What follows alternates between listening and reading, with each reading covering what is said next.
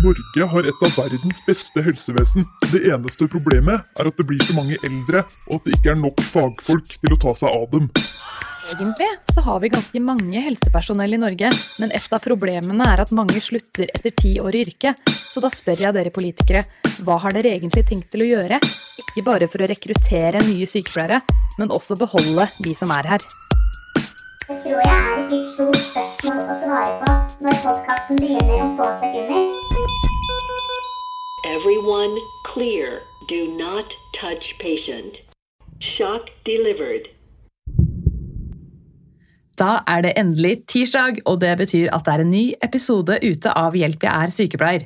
I dag skal vi verken snakke om arbeidsplasser eller videreutdanninger, men vi skal snakke om en tilstand som rundt 3-5% av alle barn i Norge blir født med, nemlig ADHD, eller på norsk hyperkinetisk forstyrrelse.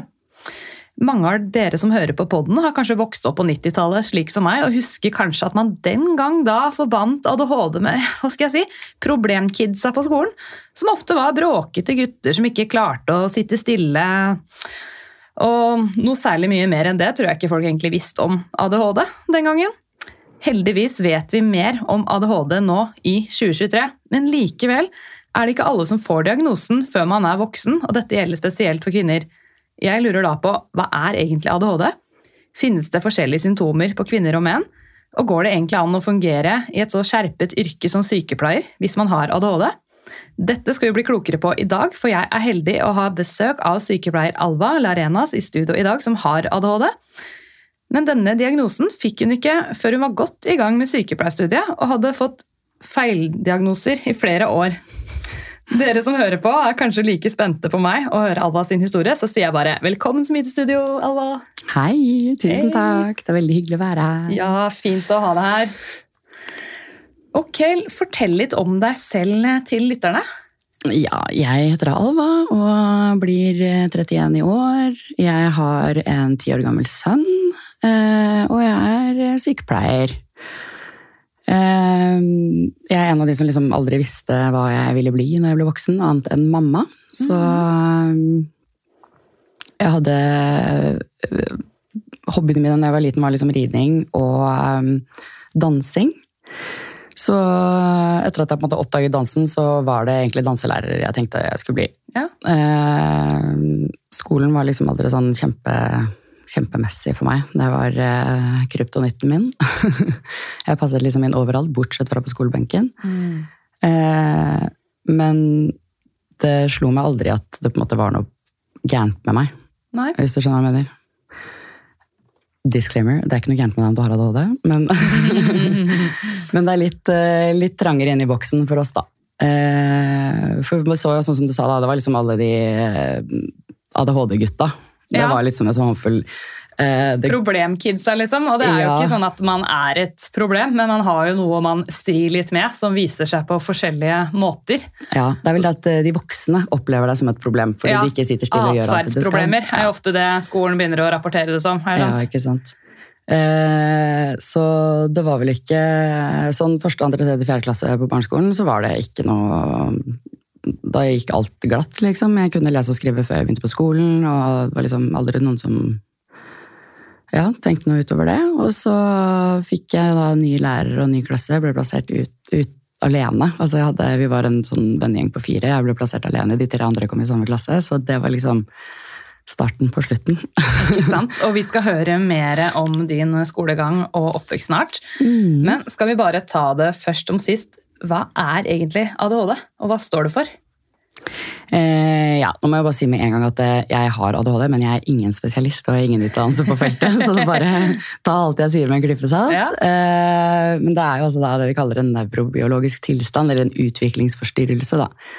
Eh, Så det er liksom noe i kommunikasjonen mellom nevrotransmitterne i frontallappen som eh, ikke gjør helt det de skal.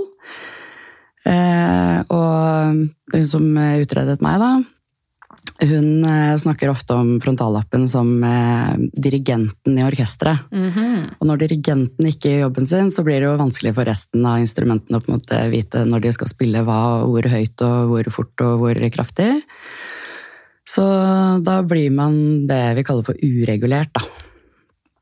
Eh, og så eh, jeg kan du si at eh, frontallappen styrer det som vi kaller de eksekutive funksjonene. Så er det liksom impulskontroll, eh, planlegging, gjennomføring, avslutning. Alle sånne ting som de fleste på en måte ikke tenker over at man gjør. Eh, når man da ikke klarer å gjøre det når man skal, så legger man fort merke til det. Um, og det er jo også da en tilstand man er født med, som jeg nevnte tidligere. at Det er ikke noe som, det er ikke sånn at du slår hodet, og så får du ADHD. Og det er heller ikke noen hjerneskade, selv om det kan føles litt sånn iblant for oss som sliter med disse tingene. Um, Hva, hva står det for? uh, attention deficit hyperactive disorder. Mm -hmm. uh, og så har det jo vært liksom, mye snakk om ADHD og ADD, uh, og det brukes fortsatt, men jeg tror nå snak, sier de egentlig at det er eh, ADHD hyperaktiv, eller overveiende hyperaktiv type, og så har du overakt, over... Jeg husker ikke. ADHD med eller uten hyperaktivitet? Ja, er og sånn så er om det det. hovedsakelig uoppmerksom, og så har du den blandingstypen, da, det er den jeg har, så får du begge deler. Så det er ekstra heldig, da. Først, Mm. Førsteplassen. Er det noe genetikk i det her? Ja, de sier vel at, eh, hvis ikke jeg husker helt feil, så ikke quote meg på det heller, men jeg tror det er en sånn 80% arvelighet eller noe sånt. Men eh, det er jo ikke sånn at du automatisk får eh, barn med ADHD hvis du eh, har ADHD selv, men det øker jo sjansene betydelig, da. Så vil jo på en måte selvfølgelig utviklingen av foster og miljø og alt sånt nå ha på en måte en innvirkning på hvorvidt du på en måte utløser ADHD-potensialet som du har der da, i genene eller ikke. Vet du om det er noen andre hva skal jeg si, risikofaktorer for at barnet skal bli født med ADHD? Eh, det er noe Jeg husker ikke helt. Jeg har nettopp vært med på sånn ADHD-kurs, så da har jeg fått veldig veldig, veldig mye informasjon. Mm. Men det er ikke alt som sitter helt foran i mente. Men eh, eh, det er også uenighet, som sier. eh, De lærde strides. De lærde strides Eh, Det er mange det forskjellige teorier, men eh, eh, for eksempel så er det mange som mener at mat har mye å si, og sånn, men det er visst ikke noe forskning som på en måte backer det sånn per nå. da. Føler jeg Uansett hvilken diagnose man snakker om, så skal folk begynne å snakke om mat. Ja. Alltid. Det er, jo, det er på en måte Det føles nesten som krigen mellom eh, medisinske akademikerne og Og hippiene. Ja, hvis man kan sånn. si det sånn. Det er, lønner seg alltid å spise sunt, men eh, det er ikke sånn at det, det er ikke noe som viser at det lønner seg liksom, at du skal holde sukker unna barn med ADHD, eksempel. Det er det, ikke noe, det er det ingenting som støtter. Nei.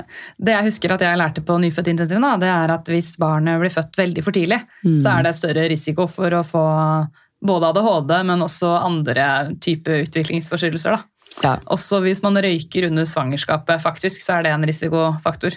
Ja, og jeg sier også dep- depresjon under svangerskapet. og det er liksom det er jo der alt på en måte skapes og bygges og vokses. og det er jo klart at Hvis du tar ut en kake av den før den er ferdig, så vil den sannsynligvis ikke være akkurat der den skulle. Hjernen ikke er helt ferdig utvikla. Man kan jo på en måte ikke blame den lille for at man blir litt ukonsentrert. Nei, og jeg tror det er viktig også å tenke på at man heller ikke kan blame foreldrene. Det er liksom ikke noe man eh, Det er ikke dårlig oppdragelse liksom, som gjør at man får ADHD. Det, det er litt som å ja, skylde på foreldrene for dårlig oppdragelse for uh, allergi eller eh, Ja. Det er ikke For Har det vært en greie? Har det blitt diskutert enkelte steder? Sånn nei, ADHD er bare et resultat av eh, omsorgssvikt og dårlig oppdragelse. Er det noen som, som virkelig mener det? Ja, ja, ja, ja. Er Det det er nok av folk som eh, liksom sier at nei, jeg tror ikke på ADHD, og det er bare en unnskyldning for latskap, mm. og at det er bare en unnskyldning foreldre bruker fordi de ikke gidder å oppdra barna sine. Det er veldig mye sånn fordommer ute og går. Ja, det er jo litt sånn nesten sjokkerende, men samtidig så ja, folk mener mye. Folk, noen tror jo jorda er flat, så da er det kanskje ikke så sjokkerende likevel. Nei, det kan man si. Folk mener mye forskjellig.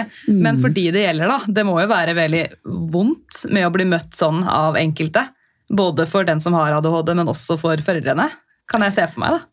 Ja, og jeg tror det at eh, det er nok mange som kjenner på liksom både skam og skyld og, og sånne ting. Og det er jo stig, en stigmatisert diagnose, på en måte.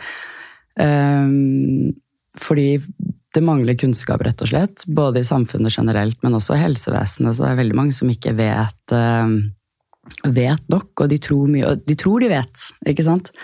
Så da blir det mange som mener mye på helt feil grunnlag, og det gjør det jo veldig mye vanskeligere både å være åpen om det, så det er veldig mange som liksom skjuler det og ikke vil at folk skal vite det. og når du da sliter med sånne ting som egentlig påvirker mesteparten av hverdagen din, så blir det veldig slitsomt at du skal drive og late som du ikke har det i tillegg. Det liksom Tror du mange gjør det? Prøver å skjule at man har ADHD, overkompenserer og sånt?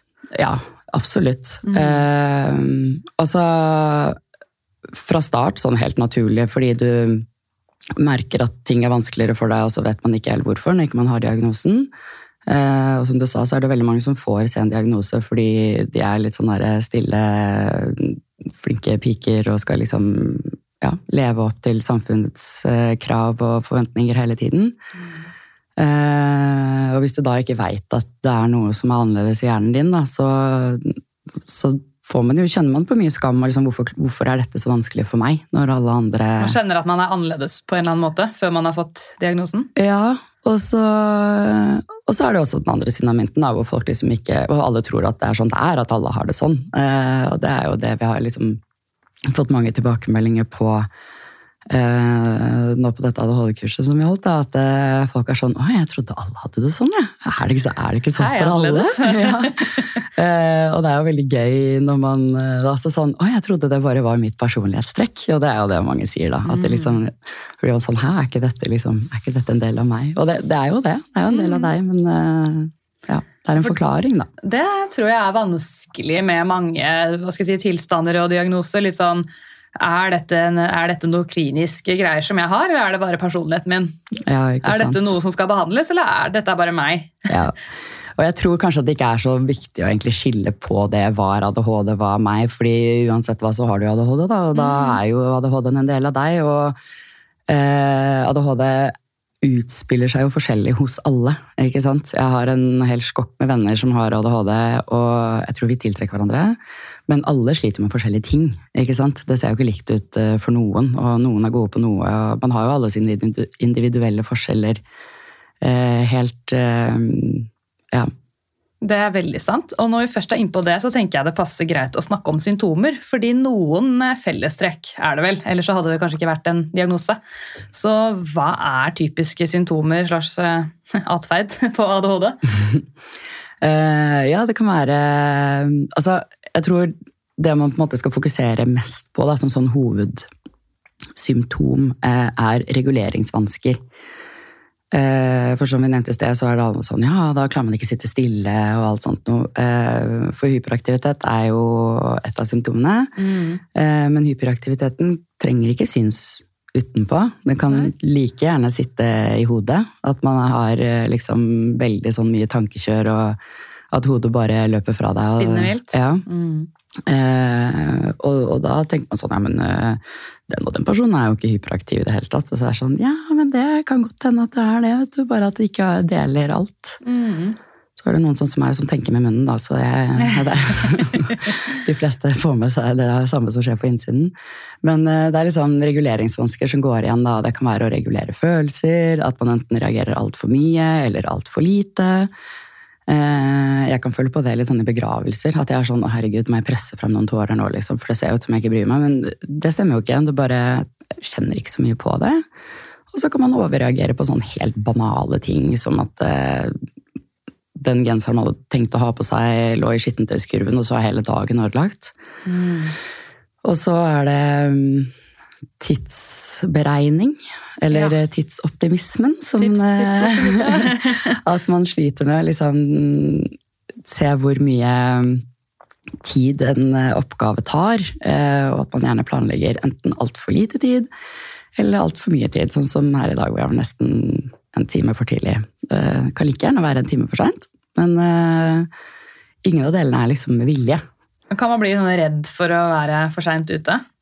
Ja, man eh, overkompenserer da med å komme altfor tidlig? og sånt? Man ser ofte det folk som kanskje har fått mye kritikk i barndommen for å være for seint eller vimsete eller glemme ting. eller De, de vokser gjerne opp til å bli voksne som eh, er veldig sånn stressa for, å, for det, da, for det er ubehagelig. Og for noen så er det jo mye mer ubehagelig å få negative tilbakemeldinger. Eh, så da er det gjerne sånn en time for tid. Altså de som kommer fem timer før de skal fly på flyplassen og sitter der og ser på klokka og venter på at de skal Ikke sant? Mm.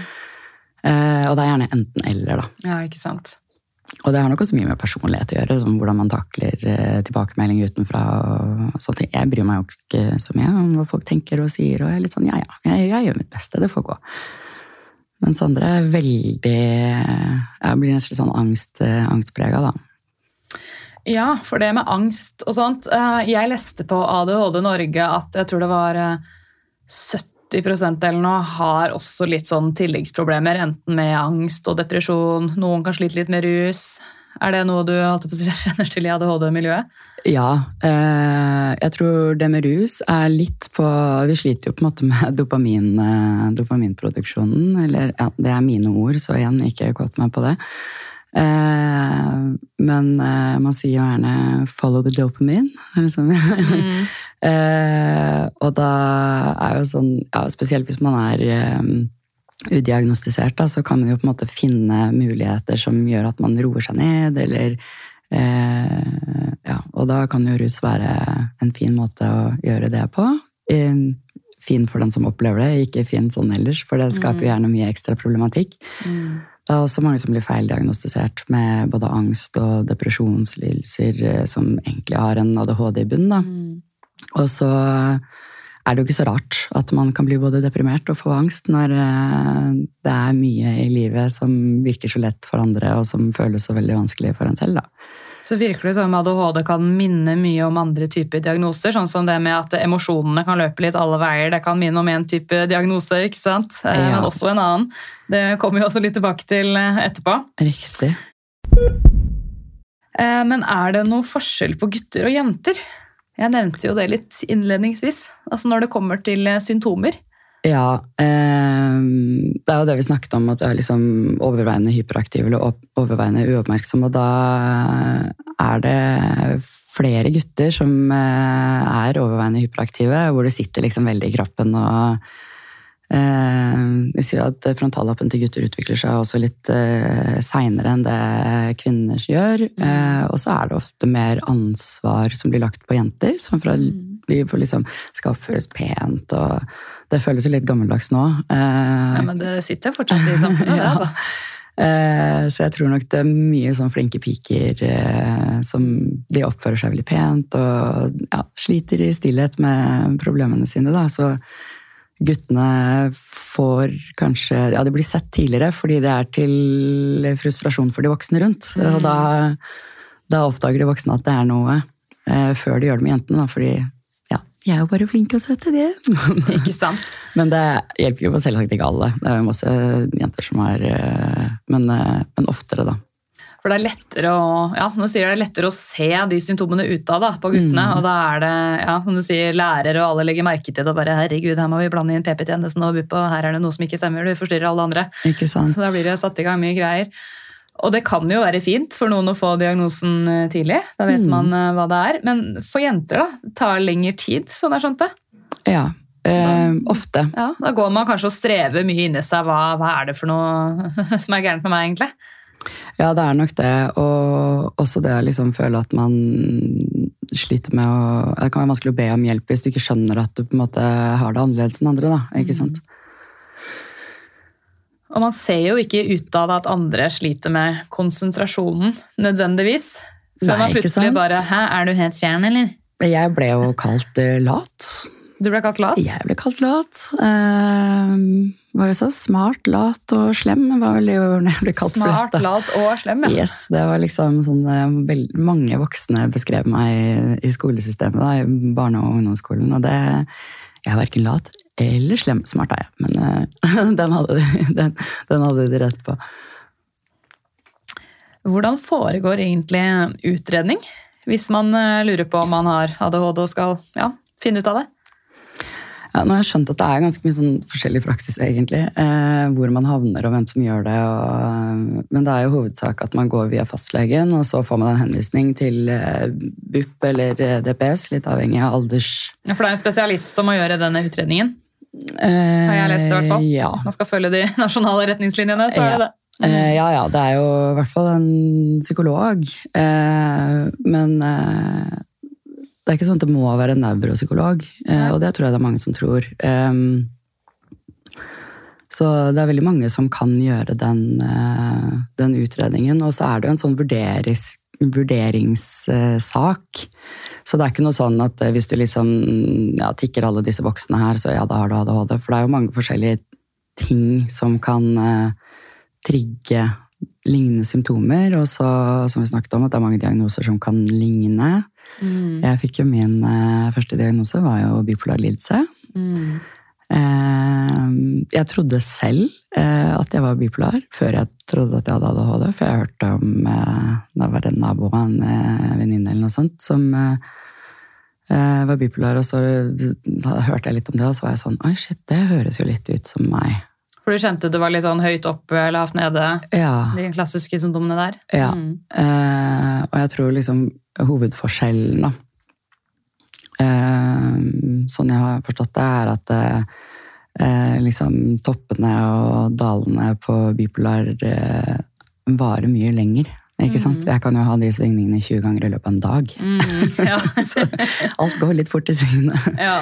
Eh, Men jeg kan jo se at eh, liksom den der, eh, hvis du er på en sånn dopamin-high og du sliter med impulskontrollen og det der med å bruke mye penger og sånne ting som man kan Mm. gjøre når man er, har slitt med hypomani eller mani, at det, det, kan, det kan jo ligne på hverandre. Da. Mm. Jeg kan jo si litt kort om utredningen. Jeg, da, fordi det er faktisk ikke så lenge siden jeg var gjennom en ADHD-utredning selv. Fikk ikke diagnosen, men fikk høre at jeg hadde høy hva faen var det de sa? Høy verbal IQ. Eh, Det er litt av grunnen til at jeg begynte å lage denne podkasten. Man benytter det. Men jeg valgte da å gå privat for å få utredning og som privat nevropsykolog, for jeg orka ikke alt det venteliste, DPS, bla, bla, bla. Jeg har vært gjennom det så mange ganger før, så jeg var liksom, jeg må bare finne ut om jeg har det eller ikke. Ja. Så jeg gikk til en nevropsykolog, og først så måtte jeg innhente alle journaler fra barndommen. Så de kunne se det store bildet. Og så måtte mamma faktisk eh, svare på masse spørsmål om hvordan jeg var eh, i min oppvekst. Måtte si litt hva jeg huska selv om når symptomer starta. Og mine symptomer har vært ja, Kjenner meg igjen i mye av det med deg. Eh, emosjonelle svingninger. Jeg kan planlegge veldig godt, men så har jeg en tendens til å ta på meg altfor mye. Så klarer jeg ikke å holde styr på noe. Mm. Eh, at jeg kan eh, space helt ut noen ganger. Og det var kortversjonen. så måtte jeg da gjennom masse forskjellige tester som gikk på både litt sånn evnegreier, men også litt på hukommelse. Så jeg fikk servert masse sånn figurer, eh, og så måtte jeg huske figurene, og så måtte jeg tegne de på nytt. Og så var det sånn Si alle gutternavn du kommer på på V. Og så si alle dyr du kommer på på den bokstaven. Så måtte jeg bare.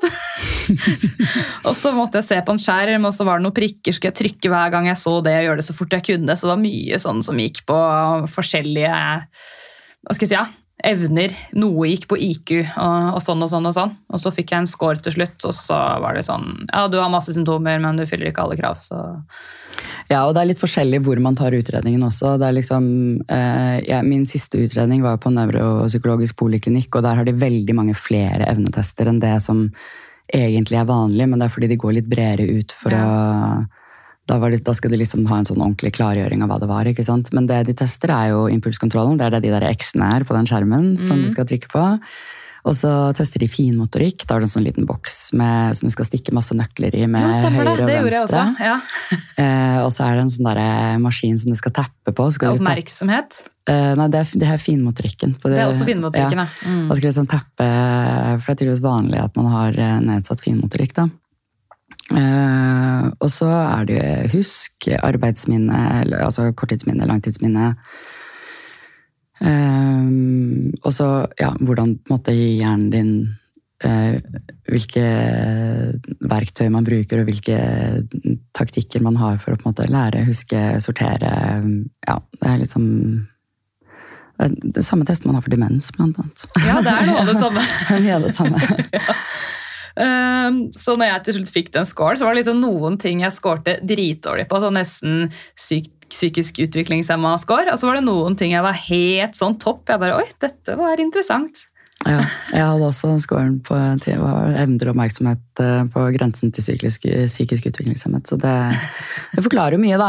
eh, Hvorfor man sliter med Og så har man da altså det, som, det som hjelper, da, at man ofte scorer høyere på noen ting, og så kompenserer man med det. da, Så det på en måte ja, bruker det til å jevne, jevne ut eller dekke over de hullene som er der. eh, Men det er klart det er slitsomt, og det er Mm. da det hjelper med medisiner. Da, selv om det ikke er noe sånn magisk 'Å, nå er du et supermenneske på Ritalin', eller eh, Ja, for det Det med. Ritalin, det er jo egentlig amfetamin. Så det var sånn spørsmål jeg fikk. Har du prøvd sent eh, sentralstimulerende rusmidler? Mm. Fordi mange gjør visst det, så merker man liksom at oi, nå fokuserer jeg bedre. Mm. Hun sa i hvert fall det til meg, at mange først oppdager da at oi, kanskje jeg egentlig har ADHD. At man har lest om det, og så bare Ja, det har du. Ja, det, det som er liksom myte, da, eh, er at eh, sentralstimulerende bare funker på folk med ADHD, men det stemmer jo ikke. Det stemmer ikke, nei. Eh, det funker for alle. Så alle vil bli mer skjerpa eh, av å ta det. Eh, det er derfor vi liksom hvis- Jo, study drug, det er det jo mange som Ikke bruker, sant? faktisk. Ja, ja, ja. Så det, det hjelper for alle. Men, men vi har på en måte et sånn lite gap vi skal tette gjennom for å komme på linje med alle dere dårlige normalfungerende der ute. Ikke sant? Så det alene at sentralstimulerende funker for deg, betyr ikke at du har ADHD. Nei. Sånn kan man vel oppsummere det. Eh, Men jeg husker jo det var en gang jeg skulle være litt crazy og ta litt Ritalin før en fest. Eh, Det var da før jeg på ungdomsskolen, før jeg visste at jeg hadde ADHD. Og da Det var veldig kjedelig. Jeg satt og diskuterte politikk hele den kvelden. Jeg tenkte bare det her var ikke det jeg hadde håpet på. Men eh, det burde jo kanskje ringt en bjelle da, da, men det gjorde det ikke. For du ble litt roligere? Ja, ja, ja. Ja. Jeg var bare helt cool, calm, collected og ja, ja. Det var en liten eh, Ja, nå er vi egentlig litt inne på det med behandling. da. mm. Så nå er jo ikke dette noe som kan fikses, dette er jo ikke en sykdom. Eh, men hvis man trenger behandling, altså hjelp da, for å takle hverdagen bedre, Mm. så har vi jo allerede vært inne på at medisiner er, det kan være én måte å håndtere dette på for å få en lettere hverdag. Er det noe annet eh, man kan få av konkrete liksom, hjelpetiltak eller behandling? Altså Nei. That's it. Eh, jo da, det er jo selvfølgelig noe, og kognitiv atferdsterapi er jo på en måte det som nevnes, men eh, jeg kan ikke si at eh, jeg egentlig har fått tilbud om det. Det er jo liksom samtaleterapi. Men eh, jeg vet ikke, det er litt ymse, og, det kommer veldig an på hvilket, eh, hvilken kommune du bor i, og liksom hvor i landet. og eh, det er litt sånn på sykepleierstudiet. Det avhenger av hvilken veileder du får, hvilken utdannelse du får, si, og hvilken praksis du har, hva du lærer. Det er litt samme greia i, i helsevesenet her, tenker jeg. At eh, ja, noen psykologer kan veldig mye om ADHD, og eh, andre gjør ikke det. Og så mm, Jeg tror nok ikke jeg kjenner så mange som føler at eh, de har fått noe sånn veldig god eh, form for behandling eller veiledning eh, Nei. utover liksom eh, medisiner. Da. Det er litt sånn, ja, så prøver du litt medisiner, og så er det sånn, ja, ja, ha Så det godt. justerer vi dosen, og så ha det bra. Ja, gratulerer, du ADHD, lykke til. Adjø. Det er jo ikke helt sånn det skal være, da. Men jeg leste litt om det her på ADHD Norge, og det virka som det var litt sånn eh, Eller var det på Helse Norge jeg leste? Ja, jeg leste om det i hvert fall. Jeg skal linke til det når jeg finner det. Det var litt forskjell på om man var barn eller voksen. For når man er barn, så er det jo mye sånn tilrettelegging på skolen man kan få. Bør i hvert fall være, hvis eh, skolen gjør jobben sin. Det er det det står i papirene, alle det det står i papirene, at det er PP-tjeneste, man skal få PC og eventuelt lydbok, og foreldrene kan bli fulgt opp, og det var ikke måte på hvor mye rettigheter man hadde. Men som voksen så virker det som det er litt mer sånn god gammeldags eh, psykologsamtale. Lær deg å finne dine verktøy for å bruke de riktig og mestre hverdagen. Ja, og jeg tror i hvert fall det jeg har opplevd, da, er litt sånn derre Ja, men hva er det du trenger da? Og så tenker jeg at hvordan skal jeg vite det? Ikke sant?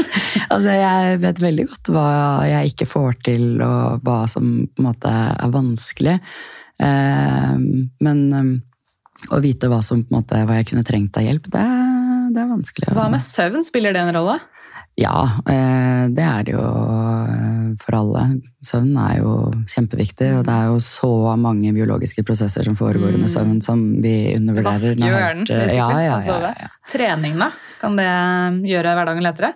Eh, ja, absolutt. Jeg vil anbefale trening. En eller annen, i hvert fall bevegelse. Altså Ja. en eller annen form for fysisk aktivitet. Du trenger ikke gå på sats og, sats og pumpe vekter, liksom. Men om du liker å gå tur i skogen, så gjør det. Om du Mm. liker å gå tur i byen, så gjør det, liksom. Om du, eh, men, men det hjelper, altså. Eh, både for liksom de mentale prosessene og liksom Ja, bare ha litt tid for seg selv, med seg selv. eh. Um, og så Jeg pleier ofte å si bare gjør det som funker, og glem alt som ikke funker, liksom. Eh, fordi man For det første så er det veldig med sånne krav fra samfunnet. hvor sånn, ja, du må jo, herregud, du må jo bare, er bare gjøre sånn, ikke sant? Det er bare for, ikke sant? Men, Bare eh, skriv en liste. ja, ja, ja. Eh, eh, lister kan være kjempefint. Ja, Jeg digger lister. Eh, Får man litt oversikt. ja, ja, ja, ja. Det er ikke sånn at jeg klarer å leve opp til det hele tiden, men eh, når det funker, så funker det, og når det ikke funker, så funker det ikke. Men eh, det, altså, ADHD påvirker jo alt, for det er jo hele deg, så det påvirker jo alt du gjør. ikke sant? Og, um, og noen lever eh, en hverdag hvor eh, ADHD ikke er til hinder for noen ting. Fordi de kanskje ikke har så veldig sånn faste, strukturerte rammer som de må liksom passe inn i. og Hvis man er sånn kreativ i yrket, så kan det kanskje ha fordeler òg. Ja, det er nok veldig mange selvstendig næringsdrivende som har ADHD, Mm. enten de vet eller ikke. Og så eh, er det nok veldig mange kreative ja, arbeidsformer som også, hvor man vil finne folk med ADHD. Og så, mm, og så tror jeg nok i eh, helse og akuttbransjen så er det nok også spesielt mange jeg tror at hvis du hadde testa alle ambulansefagarbeidere så fra, i alle aldersgrupper, så hadde Ja. det nok vært mye diagnoser ute og går. Men det er nettopp fordi at um, det man kan slite veldig med, er motivasjon. Ikke sant? Å gjøre ting som er kjedelige, det er vanskelig for alle. Men det er nesten umulig for folk med ADHD å gjøre ting de ikke syns er gøy. Det kan jeg se Um, for meg. Og, og det er det med å liksom finne ting som motiverer deg. Um, da kan man være helt ustoppelig. Og glemmer å spise og tisse og sove. Og, ja. Det blir litt sånn eh, tunnelsyn. Jeg bare tenkte på det fra 90-tallet, at det, liksom, det var problemkidsa som hadde ADHD, når man ikke måte, visste noe særlig bedre enn det. Men går man enda lenger tilbake til liksom 80-tallet, så var jo faktisk Da hadde det en annen tittel. MBD var forkortelsen av Minimal Brain Dysfunction. Det sier jo litt om hva, man, hva slags tanke man hadde om ADHD den gangen. Ja da. Og det er nok eh, Mye av det stigmaet sitter nok igjen i dag. Um, som kan gjøre at kanskje foreldre ikke har lyst til å få barna sine utredet. Ikke sant? For de tenker at nei, nei, nei. nei, nei. Vil ikke ha den merkelappen, på en måte. Ja. Eh, og det er selvfølgelig der kunnskap kommer inn, da. Mm. Eh, og tetter eh, det gapet. For det, hvis man vet mer om det, så blir det jo ikke så skummelt.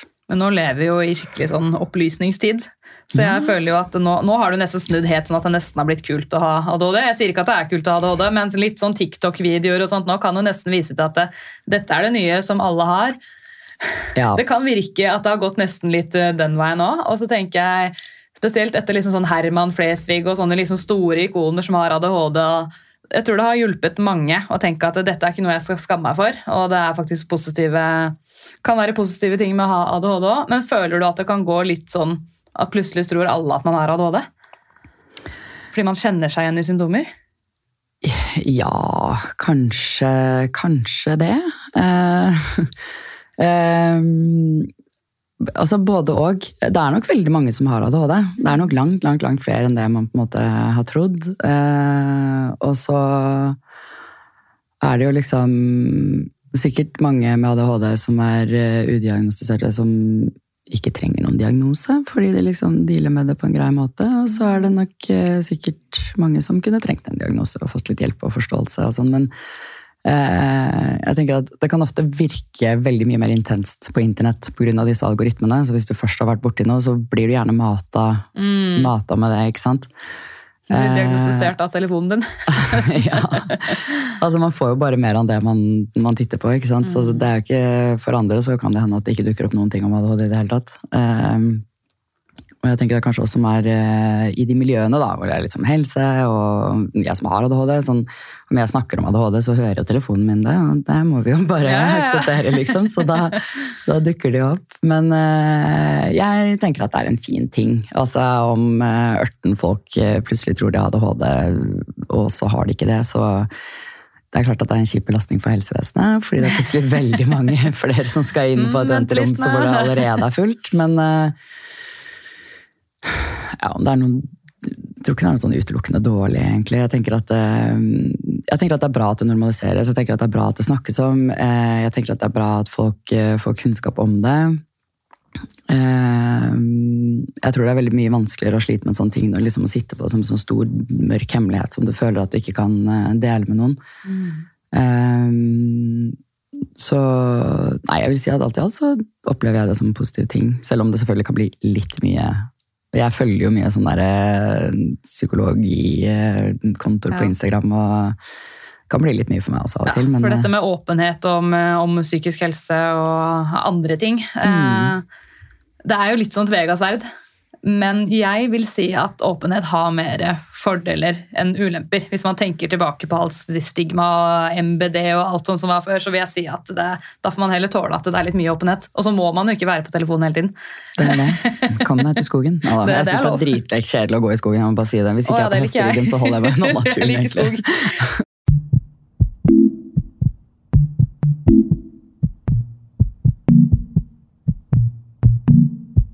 Apropos liksom eksekutive funksjoner, er det det det heter? Eksek eksekutive funksjoner. Eksekutive Ja. funksjoner, planlegging og sånn. Vi må videre, for vi er over halvveis i Oh yeah, der ser du. Uh, ja.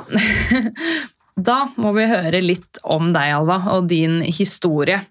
Hvordan var oppveksten din? Bare sånn, veldig kort. Eh, ja, jeg har jo da en pappa i Chile. Han dro dit da jeg var to, så jeg har pendla mellom Chile og Norge. Det er ganske sånn eh, yin-yang-opplegg med Du snakker flytende spansk, da. Det gjør jeg. Eh, og så Så det å liksom være i lille, trygge Asker, der jeg kommer fra eh, Sønnen min er nå tredje generasjon på den barneskolen som han går på. Så eh, ja, det var ganske sånn stort spenn. Så eh, jeg var eh, mye sint når jeg var liten. For jeg syns barn var så dumme. Barna i Norge var så dumme. Eller nordmenn var så dumme. Det var min konklusjon, da. Dumme og bortskjemte. Ja, jeg skamma meg litt over å være norsk, fordi at eh, nordmenn hadde det så godt. Og de skjønte ikke at de hadde det godt, og det plaget meg veldig. Eh, For du hadde sett en helt annen kultur og Ja, hva skal jeg si, ja? klasseskille, er det lov å si, Mm. i et annet land enn det man er vant med i Norge. Det er jo klasseforskjeller i Norge, men det er jo mye større ofte i utlandet. Ja, og Chile er jo det landet i Sør-Amerika med høyest BNP, og eh, som er skjevest fordelt. da. Så det er et veldig sånn ekstremt klasseskille. Det er sånn Ja. Eh, I alle fall, da, så produserte dette mye sinne, bla, bla, bla. Eh, så fra femte klasse så var jeg mye sint. Jeg hørte på hiphop, og jeg var sint. Gangster-Alva. Jeg hater nordmenn. Eh, det er gått over, da. Jeg er blitt ganske sånn nasjonalromantisk nå med årene. Men, eh, eh, men ja, jeg fikk jo ikke noen diagnose. Som jeg sa tidligere, så var jeg liksom eh, lat, slem og smart. Det var liksom det jeg ble stempla som blant, blant de voksne lærerne. Og, altså, jeg har jo ikke vokst siden femte klasse i høyden. Jeg var 1,69 da, jeg er 1,69 nå, så jeg virket nok veldig voksen eh, i forhold til de andre barna. Så jeg, jeg tror det var vanskelig for mange voksne rundt meg å, å se meg som et barn, rett og slett. Ja. Eh, og det bidro nok enda mer til at jeg liksom hadde høyere forventninger. Da. Men eh, så til slutt så fikk min bror en ADHD-diagnose. For han skjønte at det var et eller annet som ikke stemte der. Og da fikk han eh, Da var han sånn Nå må alle, utenom alle utrede seg. Alle må utredes. Hadde ADHD, alle må utrede seg. Eh, og da starta liksom min eh, Det var vel i tiende klasse på, på ungdomsskolen. da.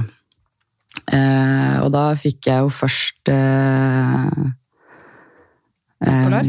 Ja, bipolar. Eh, altså, ja, den utredningen gikk jo fra tiende klasse til tredje på videregående, tror jeg. Og da skulle vi si et eller annet om det med skolen? Var det noe sånt? Ja, Du kan godt fortelle litt i hvert fall det som skjedde på ungdomsskolen med deg og lærerne. Ja, det var liksom eh, min kontaktlærer på En skikkelig gammel, grå dame. Jeg skal ikke nevne navn. eh, Men eh, eh, hun likte ikke meg, fordi eh, jeg var eh, veldig outspoken, og jeg sa det jeg mente, og jeg var eh, veldig beståelig og bastant. Jeg var sikkert, jeg var sikkert dritirriterende, det kan det, det kan jeg erkjenne. Eh, men eh, ja, så det likte ikke hun dama her, da, fordi hun var voksen og jeg var barn, og jeg skulle respektere henne fordi hun er født før meg. og jeg likte ikke helt det. Jeg tenkte jeg var litt sånn, Du må fortjene respekt. Du får ikke automatisk respekt bare fordi du er gammel og lærer. liksom. Eh, så det ble en krig, og hun var da kjempegod venn med rektor. Så det ble deres eh, livsmission rett og slett å få meg til å bytte skole. For de prøvde rett og slett å kaste deg ut av skolen. Ja. Eh, og det var det helt sånn. Det var ikke noe sånn mellom linjene. Det sa de rett ut. Eh, vi har ikke noe å tilby deg. Eh, du kan bytte klasse eller bytte skole. Det var liksom, og de ville helst at jeg skulle begynne på problembarnskolen i Asker. da. Ja, For du ble satt i den problembarnbåsen? Oh yes, jeg Mm. var problembarn. Eh, men så eh, Du flora deg fast, gjorde du ikke det? Men jo, jo, jo, jeg hadde liksom vurdert å bytte skole. Vi hadde vært og sett på Steinerskolen, og sånn, jeg og mamma kjørte innom og vært litt sånn, er dette noe for meg? Og så hadde jeg jo vennene mine. Men når det ble så tydelig at de ikke ville ha meg der, så skulle jeg i hvert fall ikke dra. Mm, ikke sant. Jeg var sånn, Den gleden skal jeg ikke gi dem. ass. To the bitter end. Og, ja, nei, så det fortsatte liksom gjennom hele, gjennom hele ungdomsskolen. Og så fikk jeg en ny lærer i 10. klasse, og da var de sånn ja, hun hadde jobbet på østkanten. Jeg tror, det, jeg tror de tenkte at dette skulle bli løsningen. Jeg tror de anså meg som en litt sånn der, mis- malplassert østkantbarn. Ja, Du burde heller flytta til Groruddalen, liksom? Ja, ja, der hadde jeg masse mye bedre. Det hadde jeg helt sikkert. Eh, men, eh, men det gikk jo ikke i det hele tatt. Eh, Så hun sa til meg at det var ikke noe vits for meg å søke på Fagerborg på danselinja, for der kommer jeg ikke til å komme inn uansett. Så det var hennes Ja, Når du skulle på videregående, liksom? Hun ja, prøvde var, å knuse drømmen din? Jeg fikk henne i 10. klasse, og jeg tenkte bare sånn, herregud, for en syk ting å si til en eh, 16-åring, liksom. Men eh, jo, jo, jeg kom hjem på Fagerborg, og da ble alt mye bedre.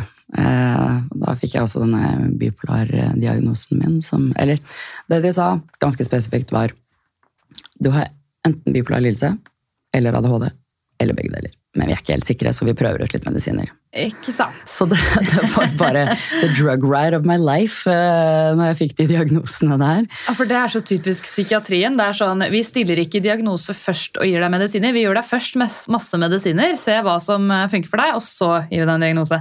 Oh, Veldig yes. sånn annerledes fra, fra somatikken. da. Ja, veldig spesielt. Da er det jo ikke sånn at man kan ta kreft, liksom. blodprøver for å se hva slags diagnose man har hvis det er bipolar eller ADHD. I hvert fall ikke per i dag. Så tydelig er ikke det der genet, da. Selv om det er genetisk. til Nei, en viss ikke grad. sant. De kan ikke påvise det noe sted. Det har vi prøvd nå iherdig i noen år, men Ja. eh, de finner ikke. Men ja, det blei bipolar på deg, da. Enn så lenge. Ja, og jeg vet ikke helt hvordan det så ut på, på papiret, altså, men eh, jeg vet at jeg hadde bipolardiagnosen, for jeg fikk ikke livsforsikring når jeg skulle søke om den på sykepleien. Eh, Den fikk jeg avvist, fordi, selvmordsstatistikken er for høy, så jeg kunne dessverre ikke få livsforsikring. For den Dårlig business for forsikringsselskapene. da. Uff, det er ikke meninga å le av det. Men det er jo men det sånn... er jo altså, le eller gråte, liksom. Det er jo egentlig litt latterlig. Og det Jeg har på en måte blitt kvitt den diagnosen på, på papiret, og hadde den jo aldri i virkeligheten, men eh, det er jo en realitet for veldig, veldig mange. Eh, Og det er jo ganske forferdelig, egentlig. Men eh, Ja, de ga meg jo Ritalin også, men det tok jo knekken på alt av kreativitet. Og det var ganske kjipt eh, siste året på danselinja, hvor du skal koreografere mye greier. Og, ja, så det var også Det gjorde meg ganske deprimert, så det backa vel bare den der bipolar-claimen deres enda Ja, ikke sant? Men så mente de også at du hadde noen storhetsideer om deg selv. Ja, fordi jeg, jeg fortalte jo at jeg liksom føler Herregud, nå kommer jeg aldri til å dømme meg hjem nedom og hjem, men eh, jeg følte meg liksom smartere enn alle de andre. Ja. Eh, Jeg følte at alle var så dumme. Eh, Og så så jeg mente at jeg var sånn storhetstanker om meg selv. Da. Det backa liksom den der hypomani, eh, bipolar eh, greia. Så tenkte jeg bare ja ja, kan jo hende det. Kan godt hende det. Men eh, så ble jeg gravid etter videregående, var året etter eller noe sånt. Jeg visste ikke hva jeg skulle gjøre. Jeg jobba på Østensjø barneskole. Ja. Shout-out til dem. da er det veldig fint. Og så mm, Da fikk jeg jo vel tilbud om veldig sånn tett oppfølging, da, siden jeg var, eh, var bipolar. Bipolar og gravid. ja. Ja. Eh, og bare det å være gravid i seg selv kan jo være en eh, emotional rollercoaster, så eh, det er jo fint at man fikk det tilbudet. Ganske tett oppfølging. Jeg fikk en hel uke på sykehus når jeg fødte. og jeg hadde jo definitivt en dyp, dyp svangerskapsdepresjon. Eh, masse selvmordstanker og ja, hva var det jeg sa? Jeg fantaserte om å gå og legge meg ut i skogen i snøen og med sovetabletter og bare sovne inn som Snehvit. Det er ganske mørke tanker. Ja, det var ganske fælt. Ja. Og så, så den intellektuelle sjelen jeg er, så satt jeg selvfølgelig og googlet Ja, don't hva, hva alle disse følelsene og hormonene jeg drev og produserte, kom til å gjøre med fosteret mitt, og det var jo ikke mindre deprimerende. Så jeg var sånn, herregud, den er ikke født, og jeg har ødelagt han allerede. Så jeg Mm. følte meg som verdens dårligste mamma. Men, eh, men det gikk fint, det. Jeg Er her i dag. Ja. Jeg la meg aldri ut i snøen. Jeg Sønnen din bor hos deg? Ja da, det gjør han. Mm. Tiåringen min. Eh, nei, så eh, Da fikk jeg jo videre oppfølging etter at han var født. Eh, av noe som het Forebyggende familieteam. eller et eller sånt. Jeg tror det var et sånt prosjekt jeg hadde gående i Asker på den tiden, men det virker som de har det ennå. Ja. Eh, og da fikk jeg en psykolog eh, som tenkte at eh, du er iallfall ikke bipolar, men hun tenkte at eh, jeg tror du kanskje har borderline personlighetsforstyrrelse. Mm. Også tidligere kjent som emosjonelt ustabil personlighetsforstyrrelse. Eh, og det var jo også litt sånn hard to swallow Ja, for det er heller ikke noe sånn- hyggelig merkelapp å få, på en måte. Nei, det er, jo en veldig sånn- stigmatisert eh, diagnose. Eh, men jeg må si det, at jeg kjenner mange som har den, eh, den personlighetsforstyrrelsen, og det er noen av de kuleste, beste folka jeg kjenner. liksom, så... Jeg tror jeg er en misforstått gjeng. altså mye, Ja, ja, ja, Mange av de som har det, de kan jo fort få høre sånn du er helt psycho. Ja, Ja. det tror jeg. Det kaller de meg òg. Men eh, ja, nei, så eh, Så vi bidrar ikke til noe ytterligere stigmatisering her. Jeg sier eh, folk er kule uavhengig av hvilke merkelapper de har på seg. Men, men så da ble jeg i alle fall diagnostisert videre, og så klassifiserte jeg ikke. De sa at jeg hadde mange lignende personlighetstrekk, men jeg nådde, ja, nådde ikke opp da. Eh, så jeg var sånn greit, så da fikk jeg da en det var da jeg ble henvist til nevropsykologisk poliklinikk Ja, for på denne tiden var du sykepleierstudent. Det stemmer. Ja. Ja. Det her, eh, vi spoler ganske fort gjennom eh, tidslinja her, Ja. men eh, jeg begynte jo da i 2014, høsten 2014 på, på Oslo Met. Sammen med meg. Helene. Yes. Og We go way back. stjerner. Eh, jeg fikk meg et par tette slag i trynet da, da, fordi studieteknikken min hadde jo vært å være i timen, ikke gjøre noen lekser, ikke løfte en bok, og så ace det omtrent på prøvene. Det har gått ganske greit. Jeg strøk alle de første eksamene på sykepleien. For dette var litt hardere enn liksom grunnskolen videregående? Er det lov å si? Det er lov å si. Ja, Eh, sykepleien er undervurdert, ass. det er det. Det er ikke så lett som alle tror. Det er bare å lære seg å tørke rumpe. Det Ja, er jeg liksom, var også sånn jeg skal, jeg skal bare bli sykepleier, liksom. Det er fort gjort. Det var ganske sånn eh, Det var eh, slap in the face. ja. Eh, men da var jeg jo på en måte allerede inne i systemet, og sånn, og så fikk jeg jo da konkludert med at eh, du har bare ADHD. Ja, Det Eh, ble den endelige ja. diagnosen. Selv om det ikke er eh, bare bare. Eh, Jeg eier jo ikke studieteknikk, så det mm, jeg, jeg, prøvde å utvikle en eller annen form for Jeg oppdaget the, the, the Pomodoro method. Som er et sånn greie man kan kjøpe, men trenger ikke kjøpe noen ting. Så kan man sette på en klokke. 45 minutter med intensiv jobbing, og så 15-20 minutter med pause. Og så Ja, alt skal gå på tid, da. Ikke sant? For det er jo det jeg lurer litt på. Hvordan klarte du sykepleierstudiet, på en måte? Hvis du strøyk alt i starten, og hva, hva var det som plutselig endra seg? Altså, du nevnte jo én metode nå, men eh, Jeg må helt ærlig innrømme at jeg, jeg aner ikke. Jeg husker ikke? Nei, nei altså, til mamma kommer til meg og jeg skjønner ikke hvordan du kom deg gjennom studiet. Du gjorde jo ingenting. Altså, seila gjennom. men det er, altså, det er skippertaksmetoden, altså. Uh, og At du jobber intensivt i perioder. ja. eh, og um, Men jeg er også sånn, altså, jeg vet ikke hvordan jeg lærer. Eh, jeg har ikke funnet ut av hvordan jeg lærer enda. Jeg vet at jeg lærer, for jeg kan veldig mye. om veldig mange rare ting. Men, eh, men jeg har ikke noe kontroll. Jeg skulle sykdomslære, så leste jeg om en eller annen sykdom som eh, var eh, blitt fått navnet sitt fra en lege under andre verdenskrig, en tysk lege under andre verdenskrig. Og så skulle jeg bare lese litt mer om det, akkurat det. Münchhausen, eller? Kan ha vært. Jeg husker ikke. Men uh, i alle fall så plutselig måtte jeg dra og hente sønnen min i barnehagen, for da hadde jeg sittet og lest i fire-fem timer om uh, tysk eh, historie. Ja. Ja, Så var den studiedagen. Og Man kan plutselig spisse seg veldig inn på ting som hvis man finner noe interessant, da, så bare Oi, her går man all in. Er det Ja, noe du kjenner deg igjen the infamous rabbit hole. Ja. Kjenner du deg også igjen i, i begrepet å ha en god ADHD-dag? Ja, ja, ja. Ja, Eller en dårlig ADHD-dag, for den saks skyld? ja, Enten så virker det, eller så virker man ikke. Og det er det som er, det er ikke Man hører ofte om at eh, folk med ADHD snakker om hjernen sin som om det var en separat eh, enhet utenfor en selv. Eh, og det kan jeg backe. Jeg, det er ikke jeg som styrer meg.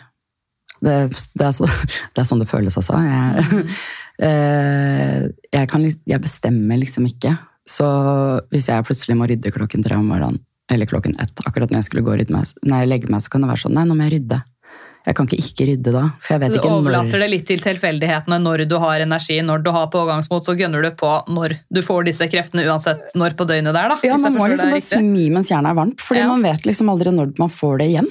Og så er det ikke sånn at jeg kan bare planlegge at i morgen skal jeg rydde, og så kommer i morgen, og så rydder jeg. Det er liksom ikke sånn det funker.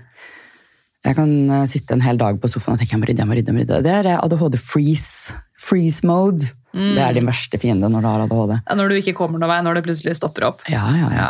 Eller sånn at hvis du har en avtale klokken ett, så kan du ikke gjøre noen ting før klokken ett. Fordi tenk om du kommer i et eller annet sånn hyperfokus-mode, og så glemmer du tiden. Så surrer du deg bort. Ja, det kan, den sjansen kan man ikke ta. Så da må man bare sitte og se på klokka, og så vente på å gjøre seg i stand. Det virker jo litt sånn begrensende, på en måte. At du er litt sånn fanga til at jeg får bare jobba når jeg har på en måte min ADHD-energi, og plutselig ikke. Fordi nå leder jeg, Dette blir litt ledende spørsmål, da. Men har det da vært litt sånn at det har kommet veldig an på hva slags studiegruppe du har vært i, for eksempel, Hvis du må ha gruppearbeid med andre. At det kommer litt an på hvor du havner i praksis, om du gjør det bra eller dårlig. Veldig. Ja. For det er den motivasjonen. ikke sant? Så når du Mm. har noe som ikke motiverer deg, så er det veldig, veldig vanskelig. Eh, og folk du ikke kommer overens med, er jævla lite motiverende. Det må jeg bare si. med det, det tror jeg nok gjelder for alle. De men- der gruppe, det der prosjektpraksis. Det er det jævligste jeg har vært med på. Så tror jeg alle kan skrive Ja, noe på. fy faen, for et helvete på jord. Det var, det var døvt, ass.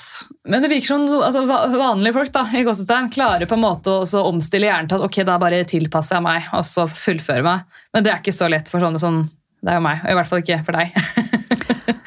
Nei, det, det er veldig vanskelig. Og én ting er å på en måte akseptere det selv og forstå at man er sånn, men jeg tror det kjipeste er at man ikke blir trodd. Eh, at, at folk som ikke sliter med det samme, de klarer for det meste ikke å, å tro på at uh, dette er noe som er et reelt problem. At du ikke kan, bare kan velge å skjerpe deg. Eh, så, så vi snakket med onkelen min på 17. mai. Han bare ja, 'Jeg skjønner at du tror at du har ADHD'.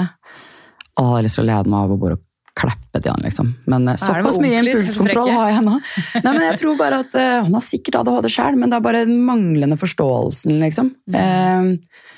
Eh, og ja, det er litt som en uh, ateist og en uh, kristen person som skal diskutere om noe. Det er bare Det, er ikke Man får kommer ikke merga de to ideene på noe som helst måte, liksom. Nei.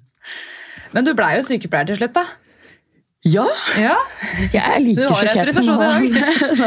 Men det er noen som lurte på om du fullførte eh, studiet på planlagt tid, eller om det tok lengre tid for deg. Nei, det gjorde jeg aldeles ikke. Jeg eh, ble jo hele veien anbefalt å ta det på over fire år. Jeg tar det på deltid? Ja, Mm. det kunne jeg aldri akseptere med min stolthet. Men eh, det endte jo med at jeg strøk en praksis i andre året. Det var en av de der zero motivation-situasjonene, i Mm. tillegg til at det viste seg siste uken i praksisen at jeg hadde jernmangelanemi. Og da Kan var ha vært en litt liten sånn, medvirker. «Ah».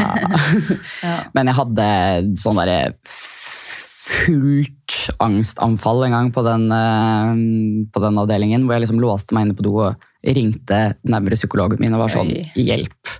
Eh, hvor hun måtte jeg, hun, hun hadde heldigvis jobbet der før, da.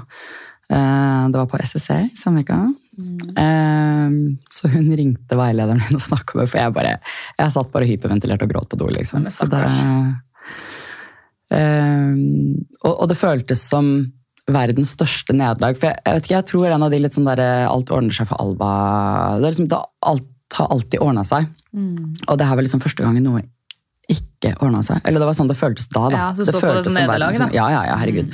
Eh, det har vært noe av det vanskeligste jeg liksom har måttet komme meg gjennom ever, tror jeg. Det derre Mm. å akseptere det at jeg, jeg klarte det ikke.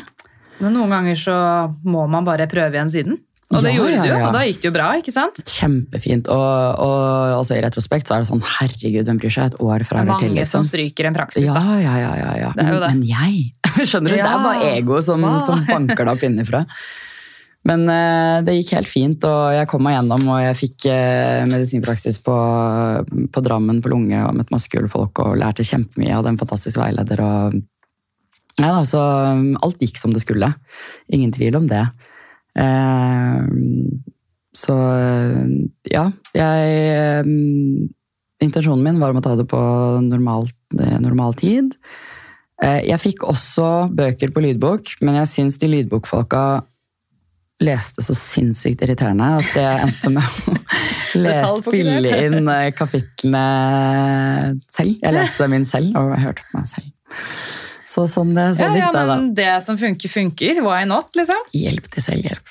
Men vet du hva, Eh, Alva? Jeg skal bare spørre om det er noen som trenger studiet vårt etterpå, eller om vi kan fortsette litt til. Mhm. For ellers så tror jeg vi må bare dele det opp i to deler. Det er helt greit. Ja. Da bare stikker jeg fort ut. Kjører på.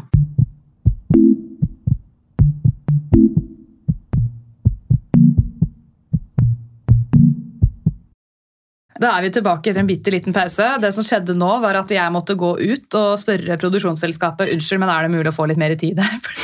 Vi har mye mer vi vil snakke om. Vi har ikke kommet til Q&A engang. Var en jævla pratsom dame i studio i dag. Det er to pratsomme damer her. Dårlig kombo, eller veldig god kombo. Det er Jeg vil si det. Det er en god utmerket kombo. kombo. Sammen er vi dynamitt. Nå har vi fått en hel halvtime til, så nå må vi bare jobbe effektivt her. Hvordan går det med deg nå, Alva? Eh, nå går det egentlig veldig bra. Så bra. Ja. Eh, jeg hadde liksom en sånn eh, Ja, jeg ble jo sykepleier. Det var jo liksom det, store, det største sjokket av de alle. Du trodde ikke du skulle klare å ta en, en høyere utdanning? Eller? Jo, jo. Jo, Det var ikke det.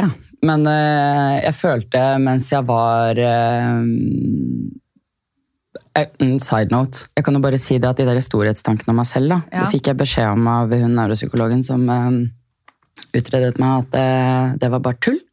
Og at jeg er mye smartere enn alle. Hei!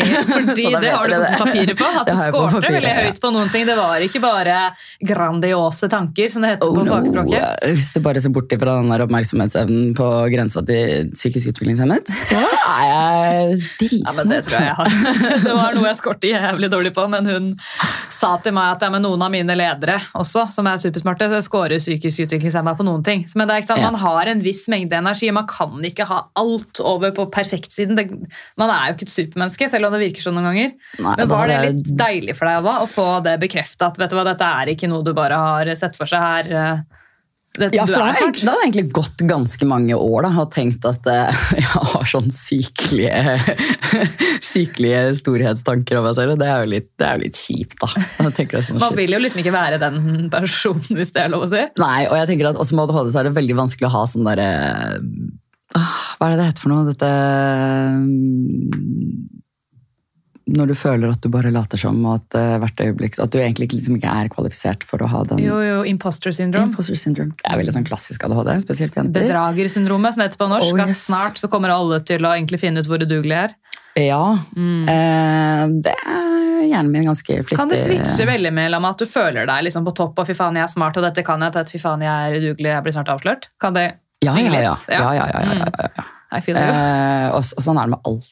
Eh, liksom eh, Ja, nei, jeg er egentlig ganske sånn glad i meg selv. Eh, eh, jeg har aldri hatt så mye dårlig selvtillit og sånne ting, men man har liksom noen dager hvor jeg bare Alt er dritt. Jeg er helt fuckings ubrukelig, og hvorfor eksisterer jeg, liksom? Eh, men heldigvis mest positive dager, da. Så Det er bra å leve på de. leve, på de. Eh, Men ja, nei, nå går det fint. Jeg er jo i jobb. Jeg jobber 80 natt. Eh, Fantastisk stilling med en fantastisk pasient med fantastiske pårørende. Og eh, jeg er ni dager turnusfri hver tredje uke. Herregud, hvem er det som har det, liksom? Eh, eh, Jeg har, jeg har slitt mye med eh, workaholism. Mm -hmm. For du jobbet mange år i hjemmesykepleien da du Ja. var ferdig. Hvordan Nesten fungerte det? tre. Jeg vet ikke om det kvalifiserer så mange i forhold til de som virkelig har jobba mange år i hjemmesykepleien, men ja, det, det var veldig gøy. Eh, jeg syns det var morsomt. Jeg elsker å kjøre bil. Jeg elsker å være våken på natten. Jeg jobbet natt i hjemmesykepleien. Hvilken bedre kombo. Eh, en periode jobba jeg med bestevenninna mi, og det er sånn vi kunne ikke komme over den følelsen at vi får faktisk betalt for å gjøre det vi gjorde i helgen da vi var 18. Kjøre rundt på natta. Kjøre rundt og høre på høy musikk og synger. Og det var bare... Er litt innom pasienter òg, da. Ja, ja, ja, Ja. men det er jo bare trivelig. Jeg eh, digger folk og digger pasientene. Og, eh, ja, jeg har blitt kalt uprofesjonell av, eh, av mange, blant annet bestevenninna mi. Okay, ja. Men av, av mange, er det da av kolleger eller av pasienter og pårørende? Nei, aldri pasienter og pårørende. Nei. det har vært en leder og en kolleger. Eh, fordi jeg er alltid meg. Mm. og jeg tror det er mange som tar på seg en sånn der, eh, sykepleierhatt, og så har de på en måte en litt annen personlighet og liksom prøver å fremstå ja, Skal sånn- være så superprofesjonell at man blir helt stoneface og ingen følelser. typ. Ja, og jeg tenker sånn, fy faen så kjedelig da. Hvis du skal ha liksom, sykepleier hjem til deg, nå er jeg kronisk syk da, hvis du har en ryggmargskade og avhengig av hjelp hver dag i resten av livet ditt, og skal det komme sånne der kjipe, hvite frakker inn der hver kveld, og det er ikke noe gøy. Dette snakket vi om på NSF. Jeg var jo på et møte med NSF før jeg kom hit, med ei du kjenner litt faktisk, Thea.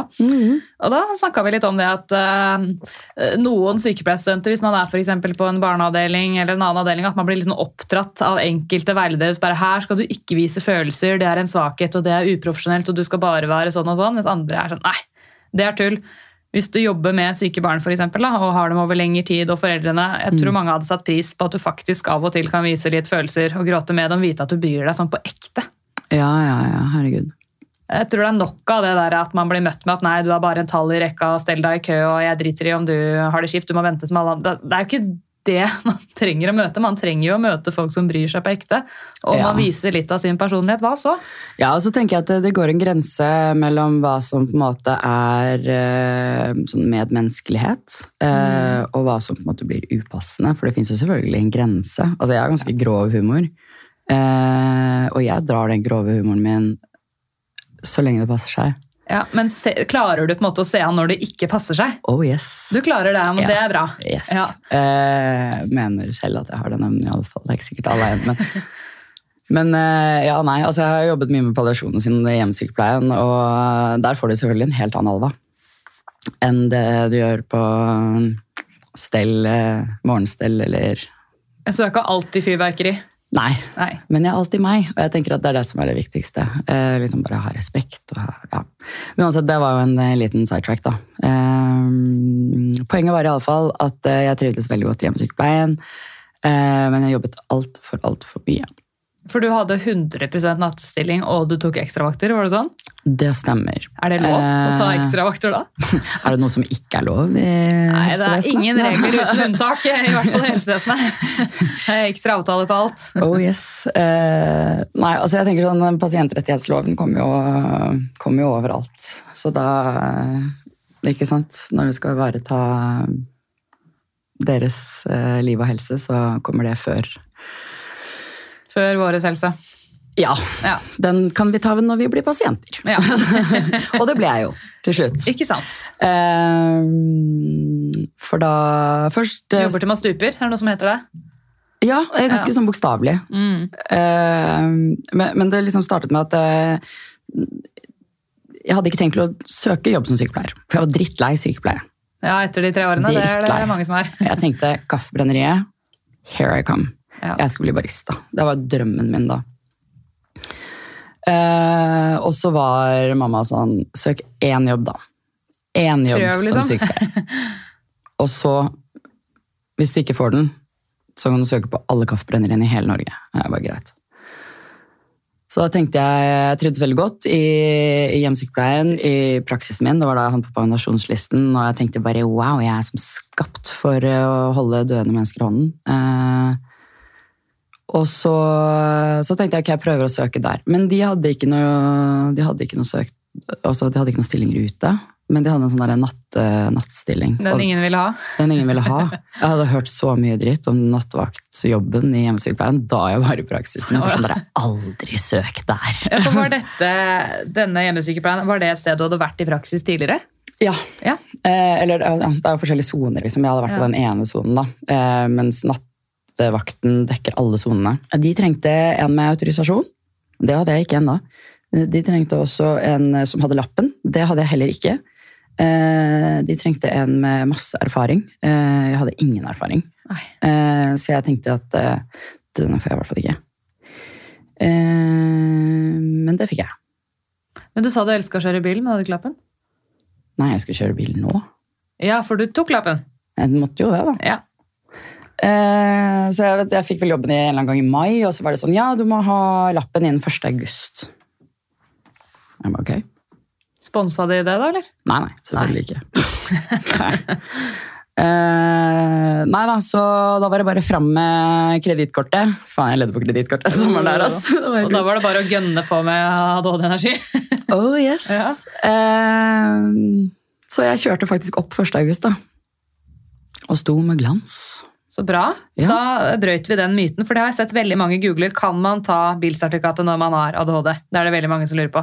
Ja, Var altså- det noe problem? Bare sånn veldig kort. Sånn jeg har forstått det. Jeg har hørt mye rart, jeg også. Ja. Eh, jeg har hørt at eh, hvis du da ikke tar medisin en dag når du har tillatelse til å kjøre med ADHD-medisiner, så kan du få bot eller miste lappen for å ikke ha tatt Jeg bare. Jeg vet ikke. Jeg aner ikke om de tingene her stemmer. Men eh, sånn jeg har forstått det, jeg måtte ha en sånn medisinsk erklæring. erklæring. Eh, og da var det bare at legen må skrive under på om du tar medisiner som kan påvirke kjøringen din.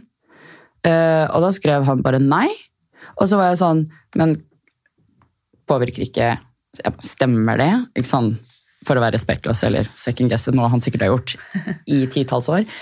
Eh, han bare nei, det er det, det er, den vurderingen er det jeg som tar. Og Ritalin påvirker ikke din kjøring. Jeg, bare, jeg er enig, jeg bare vil ikke få kjeft etter hvorfor jeg har gjort feil. Nei, men Da er det jo i så fall legen som får kjeft, og ikke du. Det er så fint. Bare å ikke være lege. Det er noe av det beste jeg vet, er å ikke være lege. Det kan man si. Bedre å være sykepleier. Eh, nei da så, da, så det var ikke noe problem. Eh, jeg måtte ha en sånn synstest-greie også, fordi jeg bruker egentlig briller.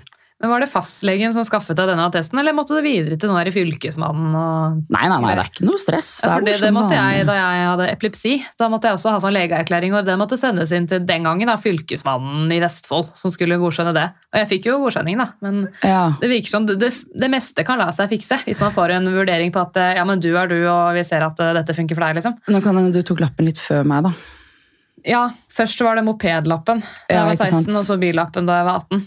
Ja, nei, jeg dro til Chile, så jeg fikk ikke gjøre ferdig det der kurset vi hadde på skolen, så da bare dreit jeg mopedlappen. Og så ville jeg jo egentlig aldri ha billappen heller. Jeg bestemte meg da jeg var fem at jeg bare å kjøre bil, det er for mye ansvar. Det gidder ikke jeg gjøre. Så hadde det ikke vært for at jeg fikk den jobben, da, så hadde jeg fortsatt ikke hatt lappen. antageligvis. Da fikk du motivasjonen til å ta lappen, da, så klarte du det. Ja, for da ville jeg plutselig ha jobben. Jeg vet ikke helt hva som skjedde der, jeg. men det var noe som sa klikk i hjernen min, og så skulle jeg være sykepleier. Og så, ja, så starta det med at jeg hadde fem opplæringsvakter på rad, og så manglet de sykepleier. Så da hadde jeg plutselig tre ansvarsvakter. Uh, ja, og så rulla jo bare ballen, da. Så jeg fikk jo tilbud om 50 natt. Og jeg tenkte bare jøss, det kan jeg jo ikke leve på. Godt jeg bor hos mamma, si. Ja. um, og det var i august, og så i januar så hadde jeg kontrakt på 100 Og da var det sånn, men jeg må jo jobbe annenhver helg. Jeg bare, men jeg har jo jobbet hver eneste helg. Enten fredag eller fredag, lørdag eller søndag, eller alle, liksom. Eh, siden jeg starta. Da hadde jeg gjort det liksom fra august til januar, så da var det bare å gønne på. Så da fikk jeg 100 natt. da. Jeg hadde aldri mer enn tre dager fri. Jeg trodde det var helt fantastisk. Jeg tjente jo dritmye penger. Jeg fikk eh, Følte jeg, da. um, hva heter det for noe? Ja, jo, jeg fikk eh, husbanklån ja. i mai året etter. Med et, ja, jeg hadde vel kanskje fire års ansiennitetser, for jeg hadde jobba på skole og sånn. Men, eh, men ja, så det gikk fort i svingene da. da. Så da 8. mai, da frigjøringsdagen, skrev jeg under boligkontrakt og flytta ut måneden etter. ja, for du har kjøpt deg leilighet nå, du. Ja, det var helt eh, jeg synes er helt Gratulerer. det. Jo, takk. Men vi Eh, snakka egentlig om den her jobbet til du stuper. Når stupte du? Nei, det var jo covid, da. Som for alle andre, tenker Ja. jeg. Eh, fordi det var ikke lov å komme på jobb hvis man snufsa eller Nei, det er sånn, ja. Eh, men jeg kom på jobb. eh, så jeg hadde jo da 100 eh, natt. Eh, og så hadde hva er det, 320 timer overtid eller noe sånt. På dag og kveld og natt. Og da, det samme året, ikke sant, 2020, da hadde jo den sammenslåingen. Sam, sammenslåingen. For du tok ekstravakter som dag eh, og kveld, selv om du jobbet egentlig mest netter? Ja, så jeg gikk liksom Jeg kunne gått sånn halv kveld, natt, halv dag, for eksempel. Eh, det gikk jo veldig fint. Helt, det ikke gikk så fint lenger. hørtes veldig slitsomt ut. Ja, for det som var greia var at jeg hadde jo allerede ikke noe fritid. Fordi når jeg ikke jobbet, så var jeg med sønnen min. Så det var ikke noe sånn. Det var ikke noe alva, det var ikke plass til meg der, liksom. Så jeg tenkte jeg kan like gjerne jobbe, ikke sant. Ja. Fikk sånn der helt hangup på å regne ut hvor, hvordan lønnsslippen kom til å se ut før jeg fikk den. Det var, det var hobbyen min. Ja. Artig hobby. Jeg ble jævla god på lønnsslipper, da. Ja, Da kan Eh, du sikkert lære meg litt, da, for jeg syns det er litt vanskelig å forstå. Men eh, ja, nei, så til slutt så trodde jeg at jeg var blitt dement, da. Ja, For dette gikk på helsa løs, og hukommelsen den ble ikke-eksisterende, er det lov å si? Ja, mildt sagt. Ja. Eh, Har du et eksempel på hva som skjedde? Nei, jeg kan bare miste ting eh, sånn i hodet mens jeg snakket. Ikke glemme liksom hva jeg snakket om. Eh, Jeg surra så mye. Eh, Jeg, jeg, brukte, jeg husker jeg kunne ta med fjernkontrollen til TV-en i stedet for bilnøkkelen og prøve å åpne bilen. Ja, du sånn bytta om gjenstander og skjønte det ikke? ja, ja, og så var jeg sånn, herregud, hva er det jeg driver med, liksom? Eller eh, jeg kunne komme hjem, og så sto liksom nøkkelen i døra, og døra på vidt gap. For jeg, jeg glemte å lukke døra når jeg dro hjem fra Det var sånn helt sånn absurde greier. Shit. Hva gjorde du da for å Eh, liksom ja, Du skjønte jo at dette ikke var bærekraftig. Du måtte jo gjøre et eller annet. Ja, men det var jo ganske sånn der, for jeg følte jo at alt gikk så fint. Men så begynte det å gå utover jobben. Altså jeg sovna på jobb, så jeg glemte Oi, et morgenbesøk, og så eh, mista jeg noen nøkler. Og, så, og alt var jo sånn derre Det gikk ikke ordentlig galt med noen ting, hvis du skjønner hva jeg mener. Det var mye sånn Oi, det kunne Men, eh, men jeg begynte å føle på at shit, nå rakner det kanskje litt for meg, det her. Å Sovne på Eh, jobb og glemme morgenbesøk hos pasienter, så er det vel på tide å ta noen skritt tilbake. Ja, ja, ja. Eh, men så snakka jeg liksom med lederen min og var sånn der, ja, jeg, jeg tror ikke det går så bra med meg, egentlig. Jeg tror kanskje jeg trenger en sykemelding. Og så, og så vet du hva hun sa til meg? Nei. Må passe på at ikke du gjør så mye på fritiden, da, av at ikke du orker å komme på jobb. Å ja, for hun trodde du gjorde mye på fritiden. Ja, At det var det som var uh, grunnen. Men, men du, det er du som gir meg alle ekstravaktene, så du veit jo hva det er som skjer her. En Det var jo ikke noe fritid. nei, jeg bare, hvilken fritid da? ser du noe jeg ikke ser? uh, og jeg skjønte det ikke akkurat da hun sa det, men i retrospekt så var jeg sånn, fy fader, så provoserende. Altså, tenk å si noe sånt. jeg veit hvor mye overtid jeg jobber, liksom. Ja. Men uh, Frekt. Ja. Så hadde jeg vært på et eller annet, for jeg var tillitsvalgt for de på natta, for det hadde de aldri hatt før. Eh, og så, mm, så var jeg på et eller annet sånn NSF-kurs en eller annen gang, og så eh, tenkte jeg sånn, jeg skal søke meg jobb for å prøve å presse opp lønna i kommunen. Ha-ha. Som om det hadde funka. Eh, men så var, ja, så fikk jeg en del jobbtilbud, men som jeg var sånn Nei, det vil jeg ikke. Dårligere lønn enn det jeg hadde allerede. og Det var bare tull. Men så ble jeg tilbudt den jobben jeg har nå, da, på intervju. Um, så da bare sa jeg opp umiddelbart. Jeg takket ja. så- Så du blei aldri sykemeldt? Du bytta jobb? Jo, men uh, jeg hadde liksom fått ja, den, den jobben, og så tenkte jeg sånn Ok, kanskje jeg skal ta meg en uke, da. Sykemelding. Kanskje jeg trenger det. Ja, ikke mer, altså. Litt av uke etter å ha blitt dement. jeg. Ja, jeg tenkte én uke, men så sendte jeg melding til den nevropsykologen min og var sånn der Det går ikke så bra. Jeg tror kanskje jeg trenger litt, eh, litt hjelp. Eh, og så var jeg sånn ikke, Det er ikke sånn, jeg er ikke suicidal eller noe, så ikke føler på noe sånn press. Det er ikke noe sånn fare for liv og helse, men jeg tror jeg trenger litt hjelp. Så fikk jeg henvisning og hjelp og alt sånt, og hun var sånn Jeg tror kanskje ikke en uke er nok, Ava. Mm. Så da endte det jo med at jeg var sykemeldt til første dag i Det her var i, i starten av februar, og så gikk jeg sykemeldt til eh, 5. mai, som var første, første arbeidsdagen i jobb. Men det der er veldig vanlig. Hvis man har blitt utbrent i jobben man er, så, blir man, så sier man opp, og så blir man sykemeldt ut oppsigelsessiden. Og det er på en måte Det er jo ikke for å være et rævhøl mot, mot ledelsen, men altså, du har jobba til du stuper. Du trenger å komme deg vekk, du trenger en forandring. Eh, og det er ikke sånn at man sykemelder seg selv, det er jo en lege som sykemelder deg. Så Ja. en det. Og jeg, jeg trengte det, Mm. eh, oppriktig. Det og, sånn ut. og jeg så ikke selv hvor mye jeg trengte det. Eh, jeg sendte jo melding til nevropsykologen, for jeg trodde det var jeg bare sånn, jeg vet ikke om ADHD har blitt verre, eller om, om, det har, liksom, om det er et eller annet, om jeg har fått hjerneskade, men jeg, jeg funker ikke, liksom. Eh, og hun var sånn, jeg tror kanskje bare du er sliten. Jeg bare, jeg har vært sliten før, liksom. Jeg ikke. Men jeg var bare sliten da. Så jeg trengte å sove litt og slappe av litt, og litt meg-tid. ja. Hørtes mer ut som utbrenthet, spør du meg. Ja. være litt sliten. Ja, ja, ja, det var kanskje det der. Utbrenthet er jo next level sliten, som man Mm. pleier å kalle det. Men hvor jobber du nå? Nå jobber jeg i et eh, firma som heter 2Care. Er det privat hjemmesykepleie? Ja, private helsetjenester. Nå har jeg klarer ikke helt å følge med, fordi jeg har egentlig ikke så mye med hverken firma eller de andre kollegaene eller noe som helst å gjøre. Jeg er liksom bare, jeg går mellom huset mitt og mellom huset til, eh, til pasienten min. Ja, for du har én det. fast pasient, Ja, én fast pasient. Jeg har gått fra heilasker til, eh, til én pasient. Er det litt greit, eller? Det er så deilig. Ja. Ja. Og det er eh, Altså sånn faglig så er det dritkjedelig. Det var veldig spennende å lære om Lære om tilstanden til pasienten min. alt dette her. Jeg kan ikke snakke så mye om det, fordi det er så sjeldent at det, Ja, da blir det bryter man veldig- plutselig ja. taushetsplikten, så det skal du slippe. Eh, men eh, Så sånn sett så var det spennende å liksom lære noe nytt, men sånn eh, det, er ikke noe utfor, det er ikke noen faglige utfordringer, eh, men jeg syns det er helt greit. Eh, Kanskje du trenger en litt holdt på å si kjedelig jobb. ja, og så og så føler jeg meg veldig nyttig. Altså jeg føler at eh, jeg har blitt veldig viktig for eh, Det er pediatri. Ja. så, så ja, nei, jeg føler at jeg gjør en forskjell i livet til eh, denne, dette lille mennesket, og det føles egentlig veldig mye viktigere ut for meg akkurat nå enn en faglig utvikling.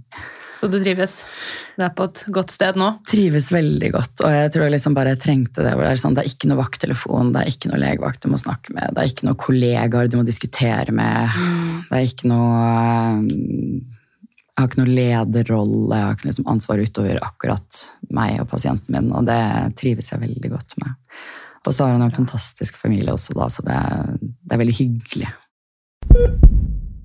Vi må begynne på Q&A, men kan du bare fortelle litt kort om disse ADHD-kursene som du er med på å utvikle?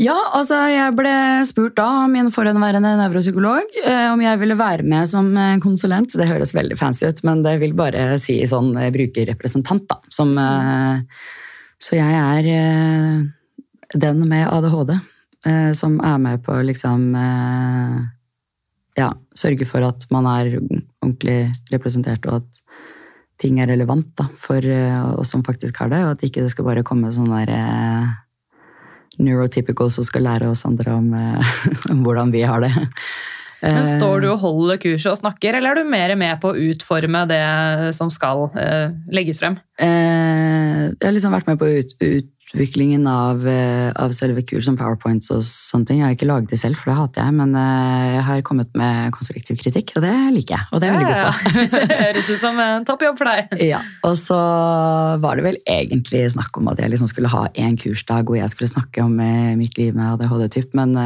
så gjorde vi det heller til at jeg er med litt på alle kursdagene som jeg kunne, for jeg jobber jo natt. Eh, og holdt sammen med de dagene som eh, ja, hun eh, tidligere nevropsykologen min holdt sine kurs, og var vi liksom sammen, da. Er det givende? Veldig. Så bra. Det er så gøy. For det første så ble jeg jo så fantastisk glad da hun spurte meg, fordi det er jo veldig sånn tillitserklæring. Og i tillegg så kjente jeg jo veldig på det da jeg ble utredet, at hvorfor er det ikke noe tilbud, på en måte? Eh, og da er det veldig gøy å kunne få lov til å være med å utvikle noe som jeg skulle ønske jeg kunne fått da, og som helt tydelig var veldig positivt for alle de som var der. Det var første kurset, og så blir det repetisjon nå til høsten, tror jeg, så det blir veldig gøy. For dette er et kurs for Er det for voksne med ADHD? Ja. Som nylig har fått diagnosen, da? Ja, jeg tror det er noen som har hatt diagnosen tidligere også, så litt sånn, eh, det var jo på en måte test, testrunden. Eh, så de begrenset, det ble ikke liksom promotert. Eh, det var noen behandlere som på en måte fikk informasjon om at kurset eksisterte og kunne tilby det til sine pasienter. Og så, eh, så jeg er ikke helt eh, sikker på veien videre, men jeg håper jo at det blir noe som blir stort og som slår an, og som flere kan få tilbud om. Ja. Har dere fått gode tilbakemeldinger? Eh, ja, jeg har ikke fått sett Vi skal ha sånn tilbakemelding, sånn oppsummeringsmøte i juni en gang. Så dette er litt ferskt? Veldig ferskt. Det var akkurat ferdig ja, forrige uke, tror jeg vi hadde siste kurset. Ja, uka før 17. mai var det vel. Eh, og så Og det var sånn ordentlig vemodig. Liksom sånn, ja, ha det da, dere. Eh, men det var veldig gøy. Veldig spennende å høre på liksom andres erfaringer og alt sånt. Og kult å se at folk eh, satte pris på det og følte at de fikk noe ut av det. da. Fordi det er jo det som er hensikten, selvfølgelig. Hvor er det disse kursene har pågått? Eh, på Blakstad. Blakstad. Ja. Mm. Og Hva heter det for noe? Kunnskaps- og mestringsenheten, eller et eller annet sånt. Jeg husker ikke hva det heter. Men, Mhm. ja. Ja, men kult. Kult at dere har holdt eh, de kursene. Jeg håper at det er noe som kan spre seg utover hele Norge, så alle pasienter får ja, er, tilbud om å det komme er på sånn noen som har tilbud om det før. Det har vært et Drammen og litt sånn. Det er, så det er litt, ja, som jeg sa i sted, det er litt forskjellig hvor man havner. Vestre Viken, altså. De er gode på ADHD. Det virker sånn. Det blir bedre nå, i hvert fall. Ja, det blir det. Men nå må vi begynne med Q&A. Da spør noen hvordan planlegger du jobben og klarer å fokusere? Hvordan takler du alle lydene på jobb? Er det mye lyder på jobben din? På jobben min er det veldig mye lyder, for jeg sitter jo i sånn respirator, sus og dus og alarmer og sånne ting. Men eh, det kan jo ikke sammenlignes med en uh, akuttavdeling, eksempel, hvor det liksom piper og blinker overalt. Eh, så ja, jeg har aldri jobbet på sykehus uh, utover praksisene, så um, det er nok litt forskjellig for meg enn for andre. Eh, men jeg skjønte fort at jeg må ta AirPods hvis jeg skal høre på noe, for jeg må jo høre alt. Uh, og um, ja, hvordan Hvordan planlegger du jobben? Dette er kanskje mer spørsmål om hvis du tenker tilbake da du var hjemmesykepleien, da, da det var mer som måtte planlegges. Har du noen måte, strategier hvor du får planlagt arbeidshverdagen som sykepleier? Hvis Nei, tenker absolutt litt absolutt ikke. Nei? Eh, Jeg eh, er veldig dårlig på å planlegge. Skriver du ikke lister engang? Eh, Det, det må jeg gjøre liksom, på min jobb. Jo, det, når det føles behov for det, og når det har vært sånn ekstra medisiner og er 118 ganger hvor jeg liksom måtte kjøre fem ganger tilbake til kontoret for å shit, jeg glemte til sårstell, og jeg glemte medisin til den, jeg glemte liksom. Men eh, det, har liksom alltid ordna seg, og så også ting som blir rutiner, eh, det går vel av seg selv, så det er ikke noe problem. Ja. Skape seg gode rutiner, da, kanskje. Ja, der det er mulig, men det er jo Ja. det når ting eh, Å, ja, og Ja, nei, jeg fungerer best når det er ting som ikke kan planlegges. Ja, rett og slett. Yes. Go with the flow. Akutte situasjoner, uforutsette situasjoner og sånn er liksom At du er, eh, hva heter det, intuitiv? Ja, ja, ja. ja, Ja. ja. Har du møtt noen fordommer av andre siden du har ADHD? Det har vi jo egentlig svart på. Ja, masse. Ja, Du sendte meg et bilde på Instagram. Skal vi se om jeg finner det. Alva. Uh, lang samtale. Der var den. Prat som jævler. My ADHD was misdiagnosed as smart but lazy, selfish, lacks effort in his own world, eller in her own world, for, for deg da. In her own world, yeah. Too sensitive, messy and disorganized, always late, get in his own way, sloppy handwriting, overly emotional, a lot and not living up to his potential. Eller Her her potential. potential. Ja, ja, så det var, når jeg så den, så var jeg sånn, herregud, den må jeg sende til uh, Helene, for det er jo, ja, det har jo vært uh, hele livet mitt. Ja. Ja, men vi vet at du kan når du vil, Alva. Jeg bare, ja, jeg vet også at jeg Det kan. står ikke på bildet. da. Ah, Problemet var bare at jeg ikke vil la det stå. Ja, hadde det bare vært det, men det, så enkelt er det ikke. Er det noen positive sider med å ha ADHD? Er det noen som spør? Ja, det vil jeg si. Eh, det er eh, mye morsomt som kan skje i de impulsive øyeblikkene. At man blir kreativ? turer. Ja, kreativitet, men også sånn derre Du ser gjerne mulighetene og ikke begrensningene. Eh, så man er bare sånn Vi gjør det. Det er Nike Just Do It hele livet. Ja, Så på, på gode ADHD-dager da, eh, så kan det, kan det føles litt som en superkraft. Jeg har hørt noen har beskrevet det som det før. Ja. Altså, jeg liker ikke å kalle det det, fordi at jeg, jeg hater sånn toxic positive uh, Det blir veldig glorifisering. Ja, Og det er jo et problem for mange òg ja.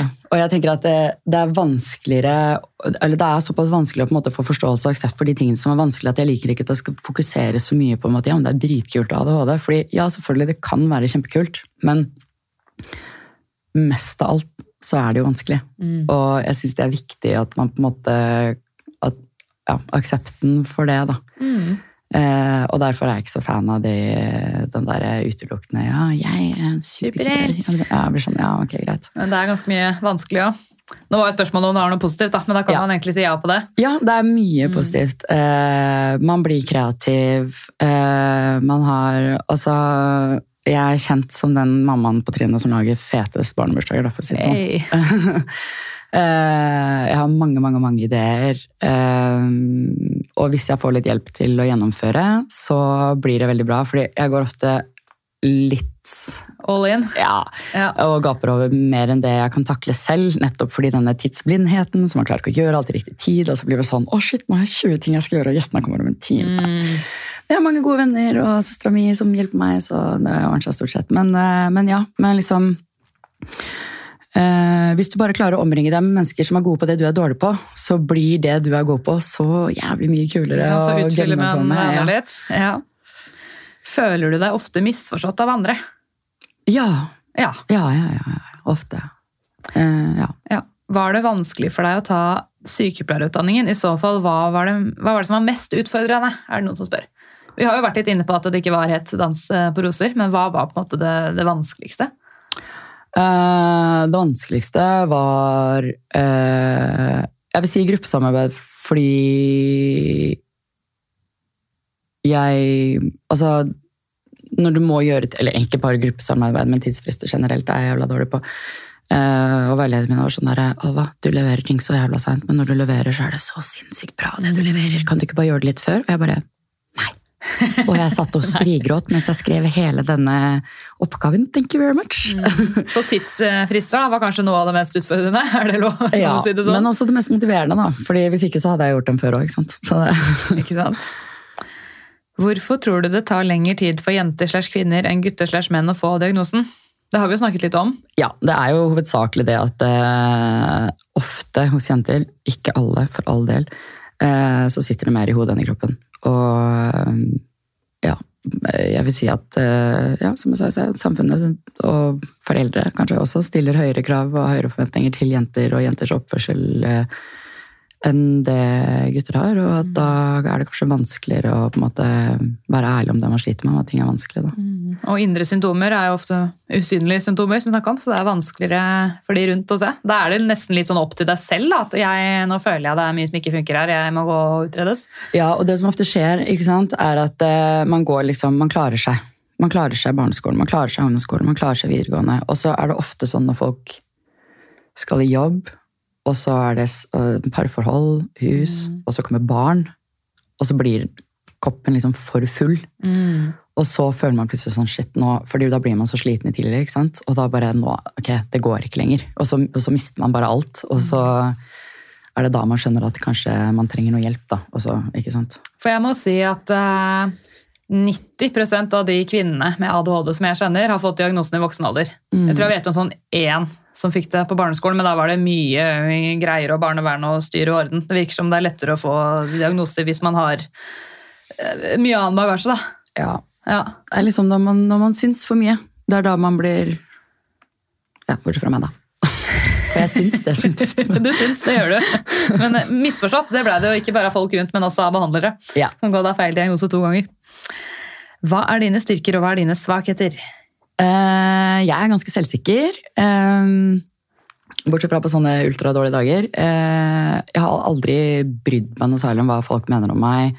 eh, og liksom ikke latt meg begrense av, av, folk rundt meg eller samfunnet rundt meg, eller hvordan folk mener og syns man burde være.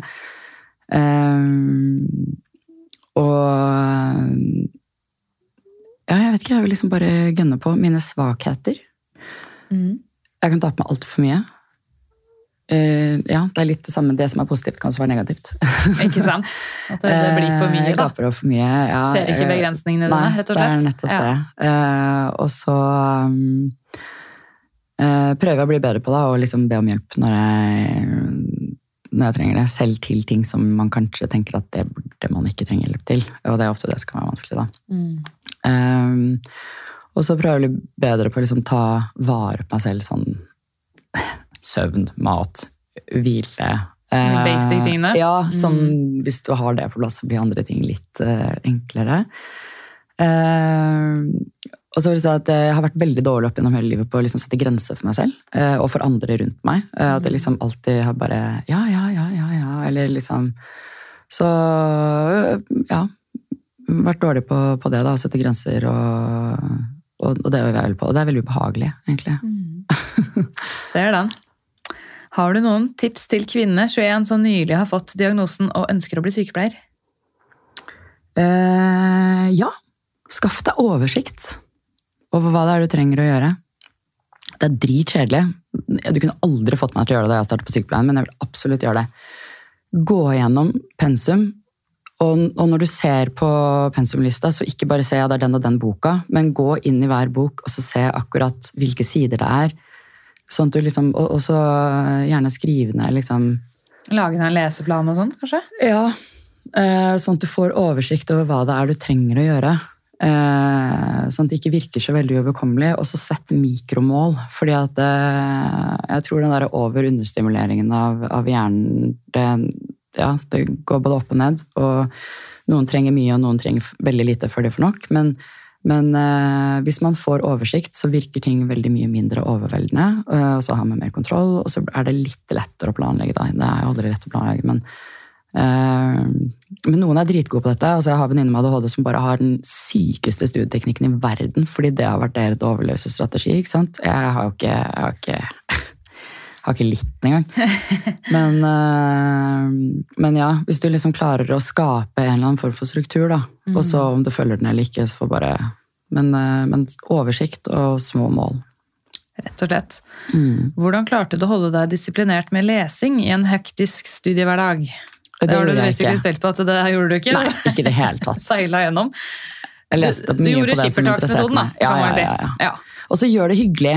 Gjør det hyggelig. Jeg kunne sette meg på, på å drikke øl og studere liksom, på, på restaurant i sola. Det er liksom sånn, Ja, men du, det gjorde jeg. Man koselig. trenger ikke å sitte ved den der ekle pulten på skolen og lese der. Man kan lese kan på bussen, lese med i parken, med lese med promille. Du kan ta deg en sydentur hvis du har roligere perioder, så kan du lese på stranda. Man må ha litt sånn mer kreativ lesing. Det Ja, funka i hvert fall for meg, da. Absolutt. Ja, Om det så er midt på natta eller whatever, finne en koselig eh, situasjon og les der. Kombinere litt, på en måte. Og så Hvis det er noe du sliter med å lære, så start med å prøve å lære det bort til noen andre.